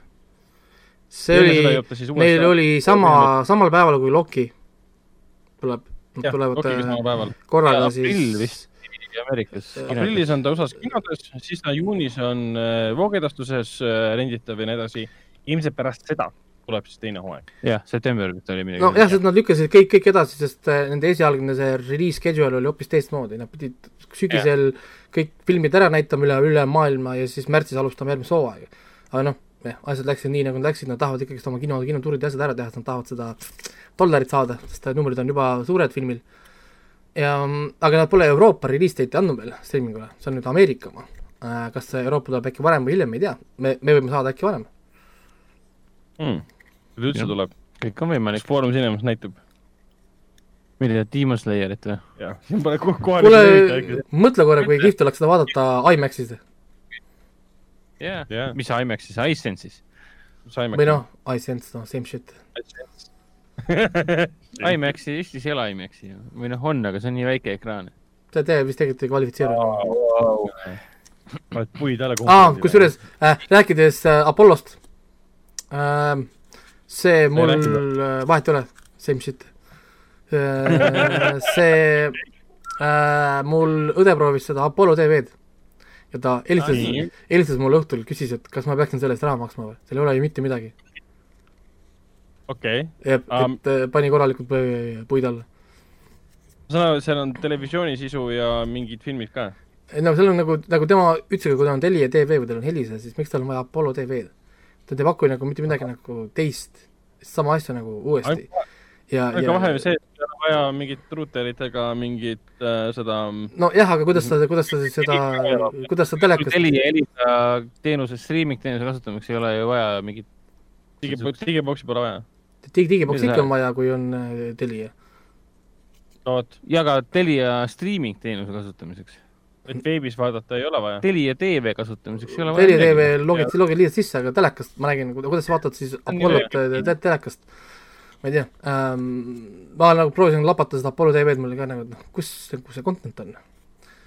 et neil on praegu mängisid selle kokku kuidagi ja ilmselt see content tuleb sinna hiljem, sest nad on teinud ettevalmistused, nii nagu väga paljud teised äh, suured ettevõtted teevad ettevalmistusi, nii nagu Paramount pluss ja, ja Disney pluss ja kõik see, et nad valmistuvad tulevikuks, kus Apollo enda toodang tuleb ka otse sinna. noh, tõenäoliselt jah lood endale siukse, siukse padja, kuhu kuigi praegu on jah raske nagu argumenti luua, et eh, kui sa näiteks oled juba äh, selles, nagu mina olen Telias, siis, siis, siis pole põhjendust, pole põhjust ümber üle, üle minna täpselt. vähemalt mitte praegu. aga kui sul mitte kuskil mujal ei ole ja sul polegi kunagi olnud, siis miks sa, miks sa ei peaks minema? no kui sul hakkab tulevikus olema. jaa, aga kus sa, sa saad seda vaadata ju ainult äh, brauseris siis või? jah, ma ei tea, kas, ei, neil on telefoni äpp on ka aga pra-, desktopi äpp on ka? ma ei ole kursis, ma arvan, et neil on mingi desktopi äpp ka ikka. Okei okay.. ei tea, äkki, äkki kunagi on paremad, aga noh, hetkel tal lihtsalt oli nagu nii, nii pettunud, mõtles, et issand, mis selle point on. et, et siis saime Apollo ka ära reklaamitud, väga ta-, ta-, tasuta reklaam, palun väga, palju õnne jah, et minge kinno, aa õigus jah. ai, sorry. õigus jah. Sorry, ei jah. saa ju. ei saa jah. aga selge, rääkige nüüd oma stuff'i, teil on terve no tegelikult nii, nii palju ei ole. hunnik, hunnik asju. no muidu, õige, te, te vaatasite ju, tähendab, enamus olete juba ära rääkinud. jaa ja, täpselt no.. kõik, mis seostub äh, Batmanide ja värkidega, nendest me räägime siis, kui me räägime õigluse liigast, aga Hendrik vaatas ära sellise suurepärase filmi nagu Boss Level. aa, vot jah, kurat, mul on, mul on see listis ja, ja, ja te olete tiisinud ka veitsa sellega, nii et okei okay,, siis ei spoileri. see on, äh, ega ma pikalt ei peatu selle juures, aga see on, kes tahab näha verist äh, väga ägedat roppu action filmi, mis on põhimõtteliselt nagu äh, Lõputu küünlapäev, Palm Springs äh, ja nii edasi, Happy, Death Day, Day., äh, siis, siis, siis on selleks olemas boss level ja see on hästi äh,, tegemist on hästi videomänguliku äh,, väga verise, väga lõbusa, väga vägivaldse väga,, väga-väga-väga stiilse action filmiga. tempoka selle asja siis lavastas äh, Joe Carnahan, Joe Carnahan, äh, kes on siis eelkõige tuntud selliste filmide poolest nagu Liam Neesoniga see The Grey, siis ta kunagi tegi siukse ägeda filmi nagu see Narc, Narc, siis ta tegi ka A-tiimi. Smoking Aces uh,. Smoking Aces ehk siis Ass Mattas või mis ta oli? Ass Mattas isegi tagantjärgi päris hea. see vist mängis Ryan Reynolds isegi või uh,? jaa, kui ma ei eksi, siis oli küll jah. igatahes väga kihvt režissöör, kes, kes armastab selliseid äh, värvikaid tegelasi, väga palju sellist äh, ultravägivaldset äh, action'it nii-öelda ja väga, ja tal on oma, oma stiil, oma, oma lähenemine asjale olemas täiesti nii-öelda äh,. aga, ja ka boss level samamoodi, ega siin pole mõtet pikalt peatuda, sest noh, spoilerid on spoilerid, aga kui sulle meeldivad need ajalooksufilmid ja eriti kui on tegemist üks mees versus terve armee erinevaid palgamõrtsukaid, kes on kutsutud sind tapma ja ainus viis, kuidas nendest jagu saada, on põhimõtteliselt see, et sa pead sellest mm, ajalõksust aru saama ja iga kord aina paremaks saama mm., ehk siis nagu sa mängiksid väga-väga rasket videomängu mm.. ehk siis iga, iga kord on tegemist sellise äh, mis eesti keeles on per,, permateht ehk siis. kas see, kas see, kas see on nagu see Star, äh, see Stargate SG-One e-, episood, kus tilk jääb kinni mängu või? Seda üldse ei mäleta. issand, ma ei mäleta praegu seda referentsi. aga jah, põhimõtteliselt jah, nagu Dark Soulsi see no, no seal, seal oli see, vaata, tilk jäi sinna ühte virtuaalreaalsusesse kinni ja see virtuaalreaalsus andis sulle endale mängu nagu need tingimused, kuidas lõpetada ja siis tilki nagu äh, tema see, nagu see tema ise, ise, iseloom oli alati no raskemaks minev, ehk siis iga kord, kui ta mängu võitis, mäng muutis ja läks alati raskemaks. saad aru, ehk siis, et, et selleks, et nagu lõpuks nagu mängu võita, ta pidi loobuma ja nii-öelda nagu kaotama, mis oli talle ise iseloomuvastane mm. -hmm, mm -hmm, jah no siin on äh, boss levelis on enam-vähem, enam-vähem mingid, mingis mõttes samamoodi, võib äkki nii öelda. ja mm. sa oled ka, Ragnar, näinud seda juba kaks korda vist või? mina olen juba kaks korda näinud ja mõlemal korral ta mulle meeldis, teinekord isegi, isegi rohkem, sest ma sain teda nii-öelda seltskonnaga vaadata, nii-öelda, sest koroona ajal kokku ei saada üle veebi ah,. muidugi, ma unustasin mainida, et siin, siin mängib ju äh, Mel Gibson ja Naomi Watts. ja äh, väga ootamatu, et Mel Gibson, võib-olla sa ootad sellises filmis, aga Naomi Wattsi sa ei oota sellises filmis. ja kuigi Mel Gibsoni roll on siin ka küllaltki ootamatu. jah, on näha, et Mel Gibson ei ole langenud sinna Bruce Willise ega äh, Nicolas Cage'i tasemele, et, et lähen täitsa hulluks, mul on suva, mida ma, kus ma osalen. ta valib väga täpselt, kus ta osaleb ja antud juhul ta valis selle rolli ta, Joe Canahan helistas talle, oh, sa tahad närida äh, sigaret läbi kogu filmi ja olla õel, mingi oh, davai ja, aga kohale. siis ta annab talle nagu selle mingi ekstra, ekstra, ekstra kihi veel juurde. ma ei hakka ütlema, mis see kiht on, see on nagu pigem naljakas mm. kiht nii-öelda. aga mida Postleveli kohta saab veel öelda, et on üks nendest filmidest, mida ei ole üldse palju e,. E, e, et jah, tal on need päevakordumise filmide trappingud olemas, et inimene peab paremaks saama sõna otseses mõttes, kas antud juhul võitlemisel või siis paremaks inimeseks saamisel. me läheme tagasi Groundhog Day juurde Bill äh, pidi õppima mitte olla isekas sitapea. sellepärast ta sai sellepärast nagu välja sealt. ja, ja, aga nüüd on tekkimas filmid, mis on äh, žanrifilmid. Happy Death Day üks ja kaks ja Boss Level, Boss Level, mis on nagu nii-öelda, mis ta on siis nagu action, verine action film ja siis äh, Happy Death Day esimene film oli õudusfilm, verine ja teine film oli niisugune ulme õudusfilm. Palm Springs neis... oli komöödia jälle ta oli ta oli jälle pigem komöödia klassikalisem. kuigi R-rated, sest noh. no seda küll, et ropendati ja umbes siuksed asjad. aga, aga, aga puhtalt selliseid, selliseid action filme, veriseid žanrifilme on vähe olnud, mis on selles žanris kinni. eriti, eriti veel seekord lõbusalt siin äh, oli Kanahan äh, aega veetnud sellega, et ta, kuidas ta mõtles välja, kes need kõik erinevad palgamõrtsukad on. aa, see oli tore, jah e, e, et sul on siin äh, kaks mustanahalist kappi, kes kannavad päikseprille ja räägivad saksa keeles näiteks yeah ja kõige vahvam tegelane on äh,, ah, ma ei tea, hiinlanna äkki või? jah, hiinlanna. hiinlanna, kelle nimi on Guan Lin või? Guan Zhen vist oli. Guan Lin või Guan Zhen, ma ei mäleta praegu täpselt. ja tema see trademark on see, et kui ta tapab, siis ta alati ütleb, et mina olen Guan Lin ja mina tegin seda, ehk siis I am Guan Lin and I did this. ja ühel hetkel ühes stseenis, ta ütleb seda vist mingi ma ei tea, kümme korda järjest. siis ma tõesti mõtlesin, et issand jumal, te ei loobu sellest naljast, vaid te lähete sellega sirge näoga täiesti lõpuni välja. sest tavaliselt hakatakse monteerima kiiremini, kiiremini mm., kiiremini, jäetakse mingid asjad välja, aga siin on alati see, et suures plaanis on tema nägu mingi I am Guan Lin and I did this, mingi okei okay,, I get it. I have done this. I have done this, jah yeah.. ja Frank Grillo on tegelikult väga hea nagu staar. väga sümpaatne action staar. ja eriti kuna filmis on palju seda pealelugemist äh,, voice over'it yeah., siis tema hääl sobib voice-over'iks, tal on, tal on sümpaatne hääl, tal on, tal on mingi tunne konstantselt sees, et ta ja. ei ole kuiv peallugemine. ta on niisugune rabeda häälega, niisugune vanakooli, vanakooli action, action staar nii-öelda. ja kuna me vaatasime post levelit pärast uh, Cosmic Sin'i, noh siis see tase oli nii kõrge pärast Cosmic Sin'i nägemist, et see lihtsalt süda hüppas rõõmust, kuigi film hakkab siukse tempoga peale. väike teise vuu oli küll, et nagu oh, Frank Grillo mingi oh. no Mel, Mel Gibson, kes varsti võib-olla saab ka Bruce Williseks, et noh, mis toimub nagu, et jah. aga siis, äh, mis ma võiksin veel mainida, mis ma vaadanud olen, siis noh, kui me räägime õigluse liigast, siis mainin seda, et ma vaatasin siis selle Batman vs Supermani lõpuni ja õigluse liiga esialgset kinoversiooni vaatasin ka. Äh, ja siis ma vaatasin Telia HBO-st, vaatasin lõpuni äh, Varjude ehk siis Rumeenia krimidraama, krimidraama seriaali esimese hooaja. seal on kokku kolm hooaega ja esimese hooaja vaatasin ära ja peaks tõdema, et sõltumata sellest, et need episoodid on nagu täispikad, täispika draamaseriaali äh, pikkused ehk siis mingi nelikümmend viis minutit, nad lähevad mega kiiresti. ja kohati on niisugune tunne, nagu vaataks WandaVisionit, eks juba saab sari läbi episood läbi ja mõtled, et oota, mis mõttes, kas see tõesti nelikümmend viis minutit ja alati ma kontrollin ka ja on küll nelikümmend viis minutit. Ja asi on lihtsalt selles, et tegemist on Rumeenia seriaaliga ja rumeenlased jutustavad oma lugusid väga teistmoodi.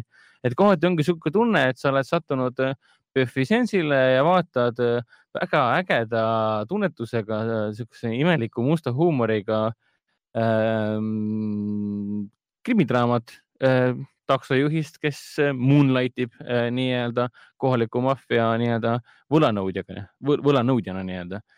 Ja, ja miks ma mainin PÖFFi, tavaliselt on see, et sa lähed PÖFFile vaatama ägedat Rumeenia filmi ja avastad, et näed, see on nagu mingi Hollywoodi filmi või sarja sisu, aga nemad jutustavad seda hoopis teistmoodi, hoopis rahulikumalt või siis hoopis teise nurga alt ja nii edasi, et selle varjudega on täpselt samamoodi, et kohati ta on niisugune tavapärane ja kohati võtab ta siuksed äh, siuksed tuurid ette, mida sa lihtsalt, lihtsalt ei oota.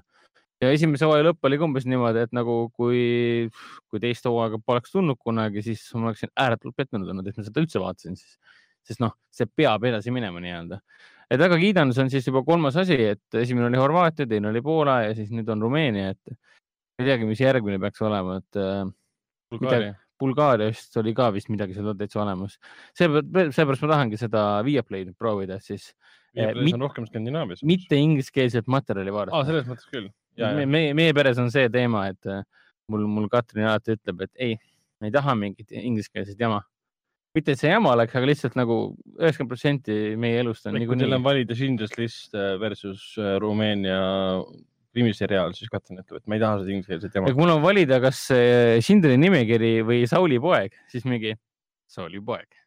sest noh, üks on Ameerika ja teine on Ungari nii, aga siis ah,, Raiko rõõmuks ma vaatasin siis Pacific Rim uh, The Blacki Netflixist lõpuni no,. Uh, väga meeldib, lõpp on tõesti niisugune, niisugune, ma ei tea, noaga, noaga näkku peksimine, et uh, mis mõttes selline lõpp on. no ja see, see kõige viimane lause seal sarjal. ja, siis ma mõtlesin ka nagu, oota, päriselt te teete seda praegu, miks te teete, kus see teine hooaeg siis on? viimane lause seriaalis oli siis see, et this is the black või? This is the black rim ei ole, äh, hoopis midagi, jah, ei, ei, ma ei ütle midagi, aga väga kihvt. Äh, mulle meeldis see, kui kiiresti sündmused arenevad. Ja kui mitu lugu jõuti ära jutustada nii lühikeste episoodide jooksul. lühikesed episoodid ja lühike hooaeg. Ja ometigi nad suutsid äh, põnevaid lugusid jutustada ja sündmustik arenes kiiresti ja tegelased arenesid kiiresti. ta, tahad öelda, et neil oli, neil oli kakskümmend minutit aega, et jutustada mitu lugu? jah. ja Zack Snyderile kulus neli tundi, et jutustada ka mitut lugu Zack, Zack Snyderil oli jah vaja neli tundi, et jutustada mingist viiest tegelasest paar lugu ära. kurat, vaata neid seriaale, saad aru, kuidas tegelikult animees lugusid, lugusid jutustatakse. Nad äh, anime oskab eriti hästi teha seda, et kiiresti karakterit tutvustada ja väga hästi teha seda. täpselt Uh, siis ma vaatasin siis uh, kunagi Raiko ju soovitas seda Netflixis vaadata Paradise BD-d mm.. ma soovitasin esimest, esimest hooaega ainult. jah, jah, kuigi nüüd ma ei ole päris kindel, aga Netflix hakkas mulle pähe suruma, silme ette suruma seda, et Paradise BD-l tuli nüüd kolmas hooaeg välja, et ma eeldan, et tuli nüüd alles hiljuti välja äkki siis on, ma ei ole näinud, ei ole kursis e,. E, siis ma lõpuks vaatasin seda kolmanda hooaja treilerit, mõtlesin, et kurat, see näeb ikka nii sõge välja ja Raiko nagu soovitas väga esimest hooaega, siis hakkasin vaatama lõpuks ja nagu täiesti kuramuse hell selles mõttes. kui mina siin vahepeal eelmises saates kiitsin seda Family Guy'd, aga laitsin seda, et on ikka see standardne McFarlane, et kohati on igav ja kohati on väga noh väga-väga-väga põnev jälle või noh, ägeda huumoriga, musta huumorit täis, siis, siis Paradise Speedi puhul on see, et need episoodid on kohati üle kahekümne minuti, mingi kakskümmend viis minutit või. ja nendes episoodides on selline tempo. seal toimub nii palju ja kordagi ei minda äh, mingi imalasse draamasse nagu Family Guy seda teeb. Family Guy igas episoodis peab olema imadraama, sest yeah. see on klassika. aga Paradise Beatis seda ei ole, see on lihtsalt kari, segaseid väikelinna võmme äh, lahendavad väikelinna võmmide probleeme ja, ja nagu igal minutil, kui vähegi võimalik, ma tahaks nii väga teada, kuidas nende see stsenaariumi kirjutuse protsess välja näeb igal võimalikul sekundil ja minutil tehakse ära mõni eriti julm ja hullumeelne ja, ja täiesti uskumatu, mõnikord tõesti võtad, aga lausa solvab. kuidas Netflix selle üldse siia eetrisse lasi, nagu mis toimub? kohutavat solvavat musta huumorit ja see, mitte ainult must huumor, see on kohutavalt rõve vahel. aga see. perversne, mis siin toimub no.. mismoodi sulle see meeldis, see umbes, kuidas nad selle Fox Newsi ja CNN-i ära lõhkusid? ja, ja see oli kõige parem asi üldse ja siis oli see Tucker Carlsoni episood ka kus Tucker Carlson seal äh, rääkis nendest mustlastest ja kuidas mustlased, mustlase, mustlaste apokalüpsis on käimas. ja siis nad seal Paradise Beat'i episoodis ütlesid, et ja, aga me ei aja tegelikult, ta vaatas kaamerasse või noh, nii-öelda kaamerasse, et me ei aja teile jama, et Tucker Carlsoni jaoks on tegelikult mustlaste see, see on siis see Foxi saatejuht, see kurikuulus, kellest John Oliver nüüd hiljuti tegi mm. ka eraldi saate. Äh, et Tucker Carlsoni jaoks on mustlaste mm, apokalüpsis reaalselt olemas et ta võttis seda guugeldada, ma mingi hit space, guugeldan mingi, vau. oota, mida? ongi. Akel Carlson tegi terve pika segmendi sel teemal, et äh, on olemas selline asi nagu mustlaste apokalüpsis. kuidas inglise keeles on? Gypsy apokalüps või midagi sellist. nii, see on päris ja. asi. paned wow. sisse Tucker Carlson Gypsy apokalüps ja saad teada wow.. nii et uh, jah, thanks Paradise Speedi wow Äh, ja siis mõned naljad on jälle see, et äh, eriti see teine osa vist oli see, kuidas mustanahaline politseinik mm, tulistas äh, süütut mustanahalikku äh,, süütut mustanahalist politseinikku. ma ei tea, ma olin seda varem näinud, seda klippi vähemalt Mi,. mina ei tea sellest midagi, mina ei olnud. aga, see oli mustanahaline politseinik, tegi peegelpilti endast ja tulistas teda ja siis tekkis rahvus, rahvus äh,. jah, kus teda süüdistati siis äh, unarmed black man'i tulistamises Äh, kuigi see oli tema ise. millest sai aru ainult tema, keegi teine sellest aru ei saanud. jah, lõpuks ei saanud tema ka sellest aru. ja siis Fox News läks hulluks selle peale ka et.... jah, aga, aga, aga üks parim asi, nali, mis seal oli, oli Sea Kyle'i nali. aa, seda ma nägin ka kõrvalt. Sea Kyle ehk siis see on ehk siis äh, vaata Kail või näe Kail on seal ehk yeah. siis sõna see, see ehk siis näe ja Kail on siis nimi yeah. ehk siis K Y L E aga seal oli see, et see mustanahaline politseinik oli siis selle Black Lives Matteri äh, protestil ja ütles, et äh, kui te tahate Kaili juurest äh,, ma ei tea, mingit varustust saada, siis ta asub seal ja siis näitas parema käega üles, näe, sealpool, see Kail, näe, see Kail. Ja siis rahvas mingi puu kurat, ma naersin ennast laua alla selle peale. No me olime kahekesi rongis, kus äh, see oli laud alla. aa, siis, kui te sõitsite. okei, kujutan ette töö poole sõitsime, siis, siis ma naersin ennast laua alla, nii et. ma oleks võinud peaaegu rongi peatusest maha jäänud, sest vend naeris nii palju. et seal on nii, see on nii vähe, see on kõige vähem, väiks, väiksem asi, mis ma nägin, seda auto episoodi ka, kus linn, linnapea ah, Ah, tal oli suhe selle autoga. politseile, oma pojal oli suhe autoga. see oli väga klassikaline lugu. väga intensiivne oli aga mulle meeldis üks asi selle episoodi juures oli see, et see oli vist linnapea siis poeg sõi, tema politseiauto oli mingi räpane mõttetu romu yeah., eh, kus siis oli kodutu elas tema siis auto teises osas nii-öelda yeah.. see on ja... ho Hobocop. Hobocop, täpselt. ja kui, kui oli, kui oli vaja panna siis äh, sireeni auto on tööle ah,, siis politseinik ütleb, et Hobocop, pane sireenid tööle homokop võtab siis kärnase kassi, pistab oma käed alla tagumikku, tõstab üles ja kass hakkab tegema. mis oli minu arust nii, see oli esimene episood, mida ma üldse nägin. see on nii loll jah. seriaalist see on nii haige, et ma olen lihtsalt see, et mida ma vaatan, ma pean seda veel tegema. ei, see vist polnud isegi rõhikas, aga see oli surm, vist siis okei sellel ei ole vahet, see enam ei ole vahet, selles mõttes, et. Jah, ei, see oli nii hea lihtsalt, ma ei tea esimene hooaeg on lihtsalt niimoodi, et issand. on, esimene on väga kihvt. ma olen nii õnnelik lihtsalt. aga kahjuks, kahjuks teisel hooajal nad tegid seda klassikalist, et äh, naljad läksid meelest ära, olid lihtsalt rõvedad mm.. nojah, eks äh, ma hakkan nüüd lähi, lähipäevadel kindlasti vaatama et.... nii, aga räägi nüüd oma muud asjad ära, töö Rookie ja Plaadus Shoes. aga Netflixis on jah kolm hooaega praegu. jah äh,. vaatasin siis Hulus seda Nathan Fillioni seda seriaali, millel on ka päris mitu hooaega juba, see The Rookie kuna ma olen Nathan Filloni pigem nagu suur austaja, kuigi seda Gastlin äh, nimelist seriaali ma pole kunagi konkreetselt vaatama hakanudki. Bring, bring, hashtag bring back uh, Firefly. jah, hashtag sul on võimalus Firefly tagasi tuua. hashtag, hashtag Josh Whedon did nothing wrong siis äh, seesamune, Nathan Fillion on alati tore poiss olnud ja olen teda alati Malcolm Reynoldsina armastanud, mõtlesin, et äkki ka Rookit võiks vaadata. poiss ta on mingi olnud alati poiss äh,. aga ma vaatasin ainult esimese osa ära ja piloodi ja ma pole sugugi kindel, et ma seda edasi vaatan äh,. ta polnud üldse halb äh,, üle, üle keskmise kvaliteediga, aga noh, pigem häiris see, et ta on nagu selline klassikaline draamaseriaal, mis pigem küsis minult, et kas ma tahan oma aega investeerida äh, mitte nüüd nii pööraselt äh, naljade peale üles ehitatud äh, täispikka draamaseriaalile. sest noh, sul on keskealine mees, äh, kes, kes otsustab pärast teda tabanud elulist kriisi hakata siis politseinikuks ja ta on niisugune noor ja roheline ja teda seal õpetatakse ja, ja noh, elu, elu tänava, tänavapolitseinikuna nii-öelda mm see on karm ja on palju draamat ja on ka huumorit ja nii edasi. No. sellisena seda reklaam, reklaamiti ka kunagi, et sul ongi keskealine mees, kes hakkab politseinikuks, et see on natuke liiga hilja, et miks sa nüüd seda teed.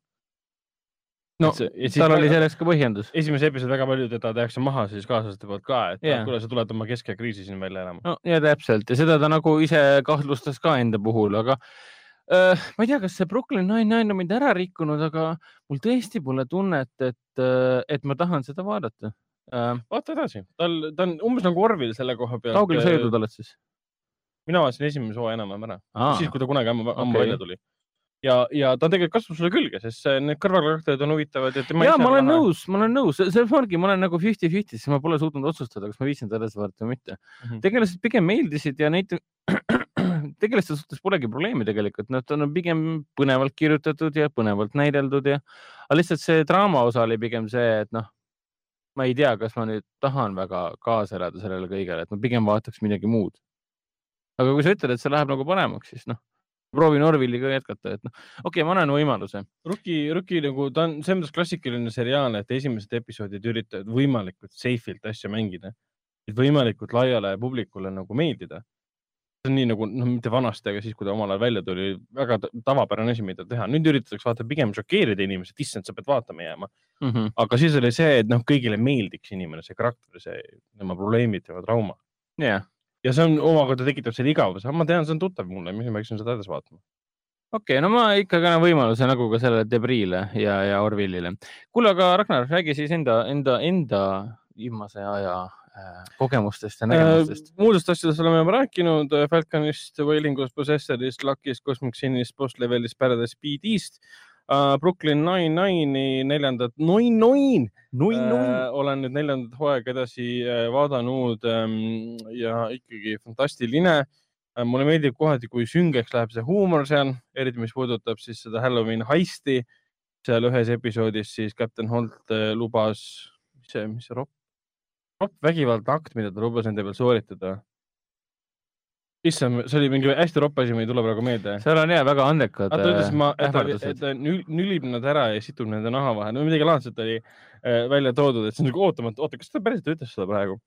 ja kogu see Dark Judy teema, mis on Peraltal siis selle, selle legendaarse äh, Pontiac äh, Banditiga. Ah, Craig Robinson. Craig Robinson, kuidas ta kogu teda üle laseb. on, nad ongi justkui parimad sõbrad, aga alati siis iga episoodi lõpus, et sa peaaegu said mind kätte, Peralta läheb minema ja petab teda ja kõik teised on temast pettunud, et usaldas jälle teda et ta on tore asi, mida taustal vaadata, et eh, Brooklyn mind ära helitanud jälle nagu sa ise ütlesid ka, et ma vahepeal üritasin jah sõpru edasi vaadata, mis ma teen, viimane, kümnendat korda vist juba teen. enam ei toimi jah? et nagu taustal vaadata, ei toimi jah, kuidagi igav on, ma olen näinud juba sada korda seda. et nüüd, nüüd. jah, arvad jah? jah, aga, aga Brooklyni puhul on jah see, seda ei saa niisama taustal vaadata. sa tahad alati keskenduda, tahad näha nende tegelaste reaktsioone, välimusi ja, sest ta on, sest ta on, ta on nii füüsiline, nii cold opening ud eriti jah, ta on nii füüsiline huumor. Office'is on ka, oled Office'it vaadanud üldse või uh,?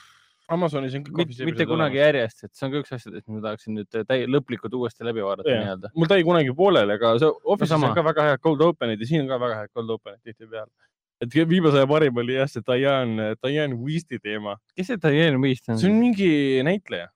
hiljuti nägin tema kohta uudist ka, mina ei tea temast mitte midagi aga Charles Boyle äh, tuli siis, äh, oli, oli siis tööl hommikul ja siis Peralta tuli tööle, küsis, mis sa tegid.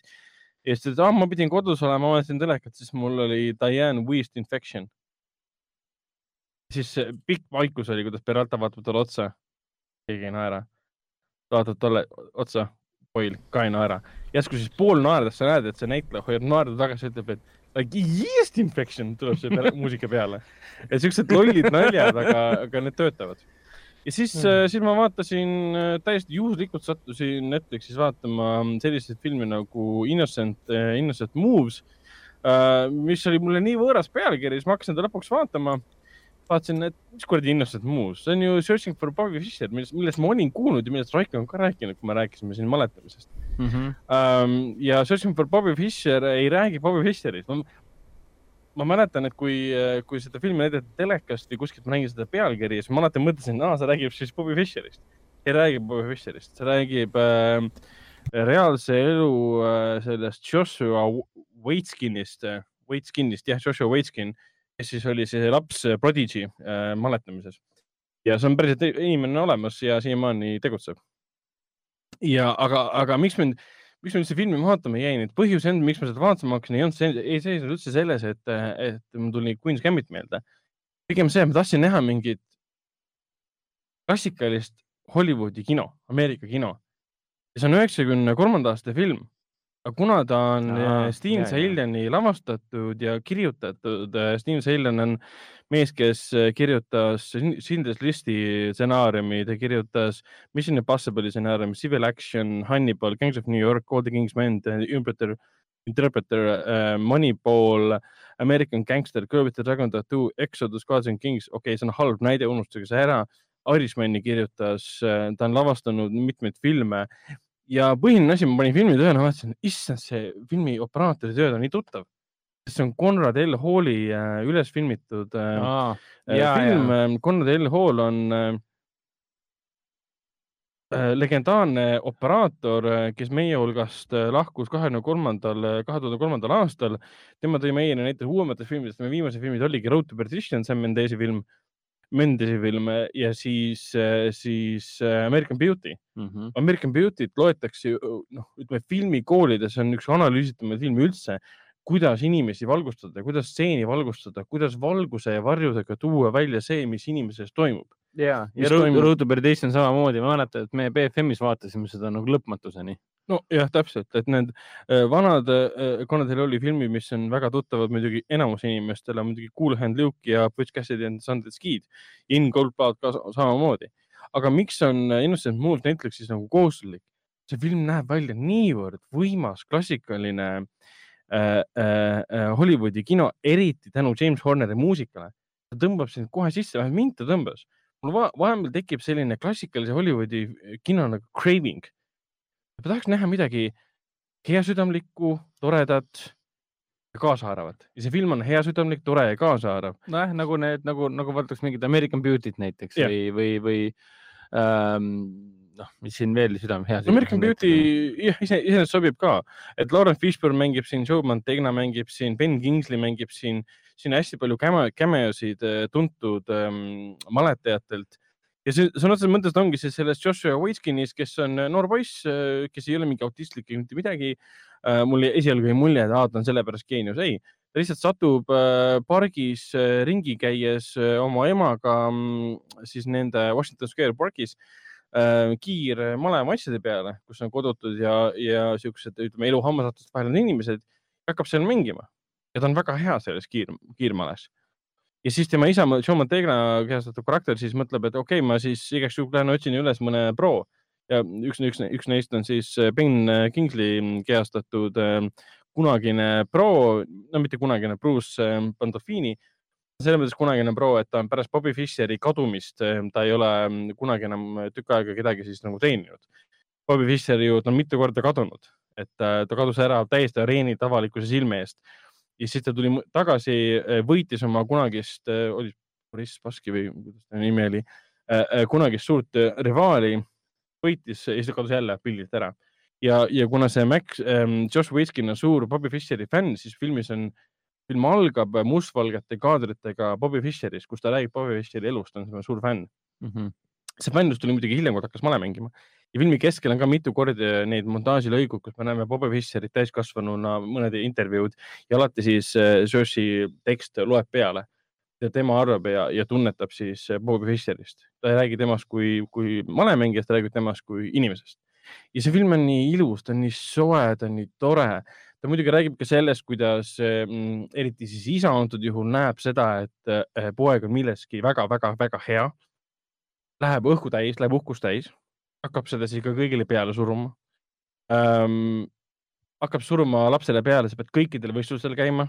Eh, see Bruce Pandolfini ütleb selle peale, Ben Kingsley kehastusega karakter, et tegelikult, eh, tegelikult võistlustel käimine ei muuda sind heaks. väga palju mängimine muudab sind heaks aga, aga isa käib siis peale, käime kogu aeg võistlustel, võistlustel, võistlustel, kuni siis äh, poiss läheb äh, katki, ta ei naudi enam mängu, ei mängi enam, tükk aega ei mängi. Ja siis, kuna see tema treener siis ütles ka, et sa ei tohi enam Washington Square Parkis äh, Lawrence Fishburne'iga siis, noh, noore Lawrence Fishburne'iga mm, -hmm. siis enam äh, kiirmaleka mängida, siis kiirmale hävitab äh,, hävitab ära õige male Äh, ta, ma ei tea malest niivõrd palju, Raiko teab rohkem, kus ta siis loetles ka, et sel, sellel äh, kuulsal maletajal läkski tegelikult kehvasti tema tehnikas, kuna ta harrastab väga palju kiirmalet. kiirmale pole see, millega sa võidad. Aga poisile meeldis see. Ja lõpuks siis isa saab aru, nähes ka, kuidas teised isad käituvad, seal on väga palju naljakaid stseene sellega seoses, et, et on tegelikult valesti käitunud ja lähtun sellest, mida minu poeg soovib, sest tema on tegelikult see geenius, tema esialgu tegi seda, et ta nautis seda, lõpuks ta tegi sellepärast, et isa tahtis, et ta teeks seda isa tahtis, et ta võitis ja ta kaotas ka paar korda. ja siis ta tuli, tuleb tagasi ja võidab tohutu suure lahingu tänu sellele, et ta jälle õppinud mängu armastama. aga seal ongi paar naljakat stseeni, kus, kus lapsed mängivad omavahel, siis suur võistlus on ja siis selle võistluse läbiviija ütleb ka vanematele, alust tundub, et ta räägib lastega, et ei tohi valjuhäälselt rääkida, et ei tohi siin segada inimesi. Vaatab, kellega ta räägib, ta ei räägi lastega, ta räägib vanematega.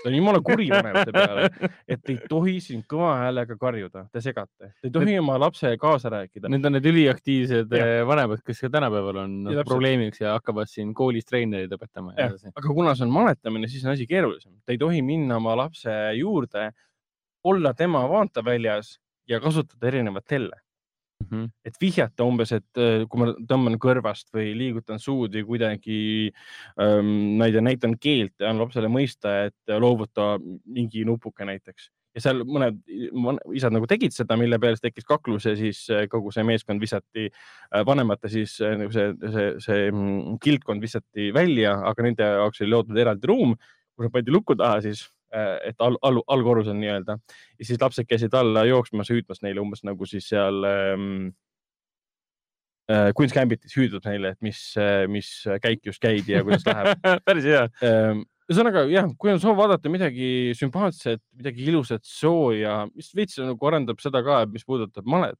siis see film on ideaalne, eriti mis puudutab James Horneri, meie hulgast lahkunud muusikat. kuna teil oli äh, äh, äh, visuaalset pilti meie hulgast lahkunud taaskord. Steve Salian õnneks on elus. ja soovitan, äh, võtke, võtke kindlasti ette, Netflixis on ta olemas. ja siis ma hakkasin vaatama mm, John Q-d, ta jäi mul äh, küll äh, pooleli. kas see on see Denzel Washingtoni film? jah, John Q on Denzel Washingtoni film aastast kaks tuhat, kaks tuhat kaks, mille lavastas Nick ähm, Cassavetes, kelle nimi on, perekonnanimi on küll väga tuttav, aga ta ei ole tegelikult niivõrd palju nagu um, suurepäraseid filme siin um, äh, lavastanud. ütleme, tema filmide hulgas on um,, okei okay,, Notebook on väga hea film um, erinevatel põhjustel, aga tal on näiteks My Sister's Keeper ja The Yellow, äh, The Other Woman tähendab, mis ei ole nagu fantastilised filmid, okei okay,, Notebook on tegelikult hea film äh,, klassika.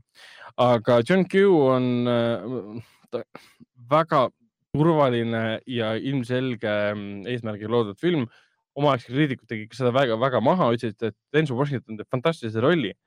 aga Robert Duvall mängib siin ka näiteks ja Anne Hedge ja James Woods, kes mängib lihtsalt James Woodsi, ta mängib seda James Woodsi, keda me armastame läbi ähm, äh, Family Guy ja Ray Liotta mängib siin ka muidugi tõbrast jälle, sest noh, jah, Ray Liotta äh,. Norkis ta ei mängi tõbrast, okei okay,, ta mängib head tõbrast ja John Koo suurimad kriitikud ütlesid ja, et äh, Washingtoni roll on suurepärane, aga me saame aru, mis filmi mõte on. meile ei meeldi see, et Ratio lihtsalt julmalt haamriga lööb seda mõtet meile pähe. ja kogu idee seisnebki selles, et äh, peategelase, kellel on majanduslikult väga suured majanduslikud raskused, ähm, avastab, ongi John Q tema nimi, siis lühend nii-öelda on, keskmine nimi on Q äh,. Quincy vist oli. Quincy äh,. Kus ta siis avastab, et tema pojal on südameprobleemid ja süda on vaja siis sõna otseses mõttes välja vahetada. aga ta ei saa seda teha, sest tema kindlustus, töökindlustus ei kata seda. filmi taustal käivad erinevad ähm, momendid, kus räägitakse, kus Bush äh,, noorem Bush siis räägib äh, ähm, riiklikest äh, süsteemidest ja nende suhtes probleemidest, et meil on vaja muutusi teha. ja film justkui peegeldabki seda, et äh, tema kindlustus ei kata tema poja ravi, tal ei ole seda raha, üritab seda raha saada, film keskendub väga pikalt sellele, et raha kokku saada, aga see on mingi sada viiskümmend, kakssada viiskümmend tuhat dollarit.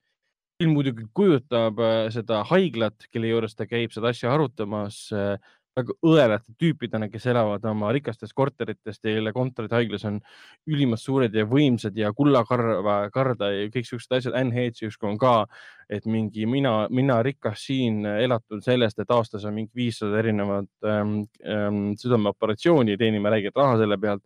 film jätab räigelt mulje, et kõik on halb, kõik on vaese inimese vastu, vaesed peavadki surema. et ma saan aru, miks omaaegsed kriitikud seda maha tegid filmi suurim võlu endiselt on Denzel Washington, kõik, mis puudutab Denzel Washingtoni karakterit, mis puudutab tema vestlust teiste inimestega, kuna ta võtab haigla pantvangi ja, ja ütleb, et enne inimesed välja ei saa või ma hakkan inimesi tapma, juhul kui, kui siis äh, kui siis minu poeg, kes viib haiglas, äh, nüüd ei viida operatsioonilauale ja talle uut südant ei anta, nii kaua ma hoian inimesi vangis või siis äh, tapan, tapan nad ära ja, ja ta jäi mul küll pooleli, aga, aga ma kavatsen ta lõpuni vaadata, sest see on üks nendest Washingtoni filmidest, mul on kahju, et ma ei ole kunagi näinud, et samamoodi ma ei ole Malcolm X-i näinud. nüüd, kui see, täpselt. ja nüüd, ma, ma ka ei ole. mis on nagu veider.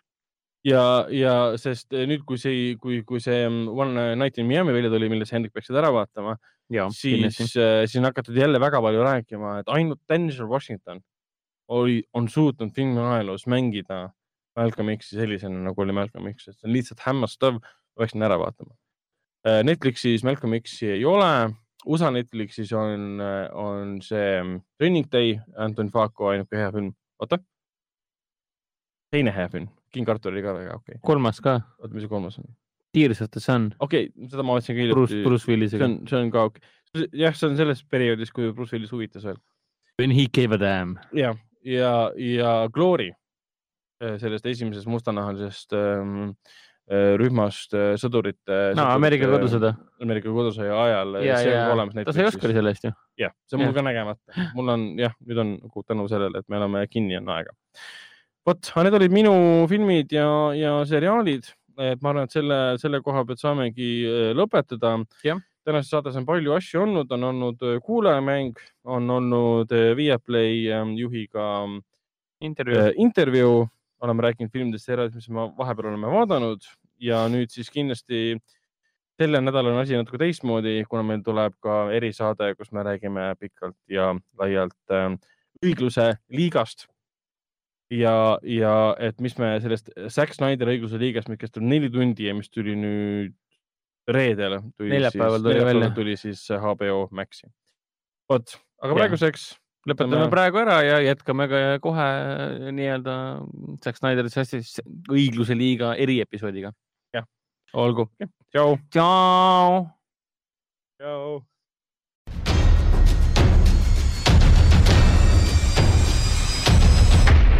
kinoveebi Jututuba podcasti toob teieni Foorum Cinemas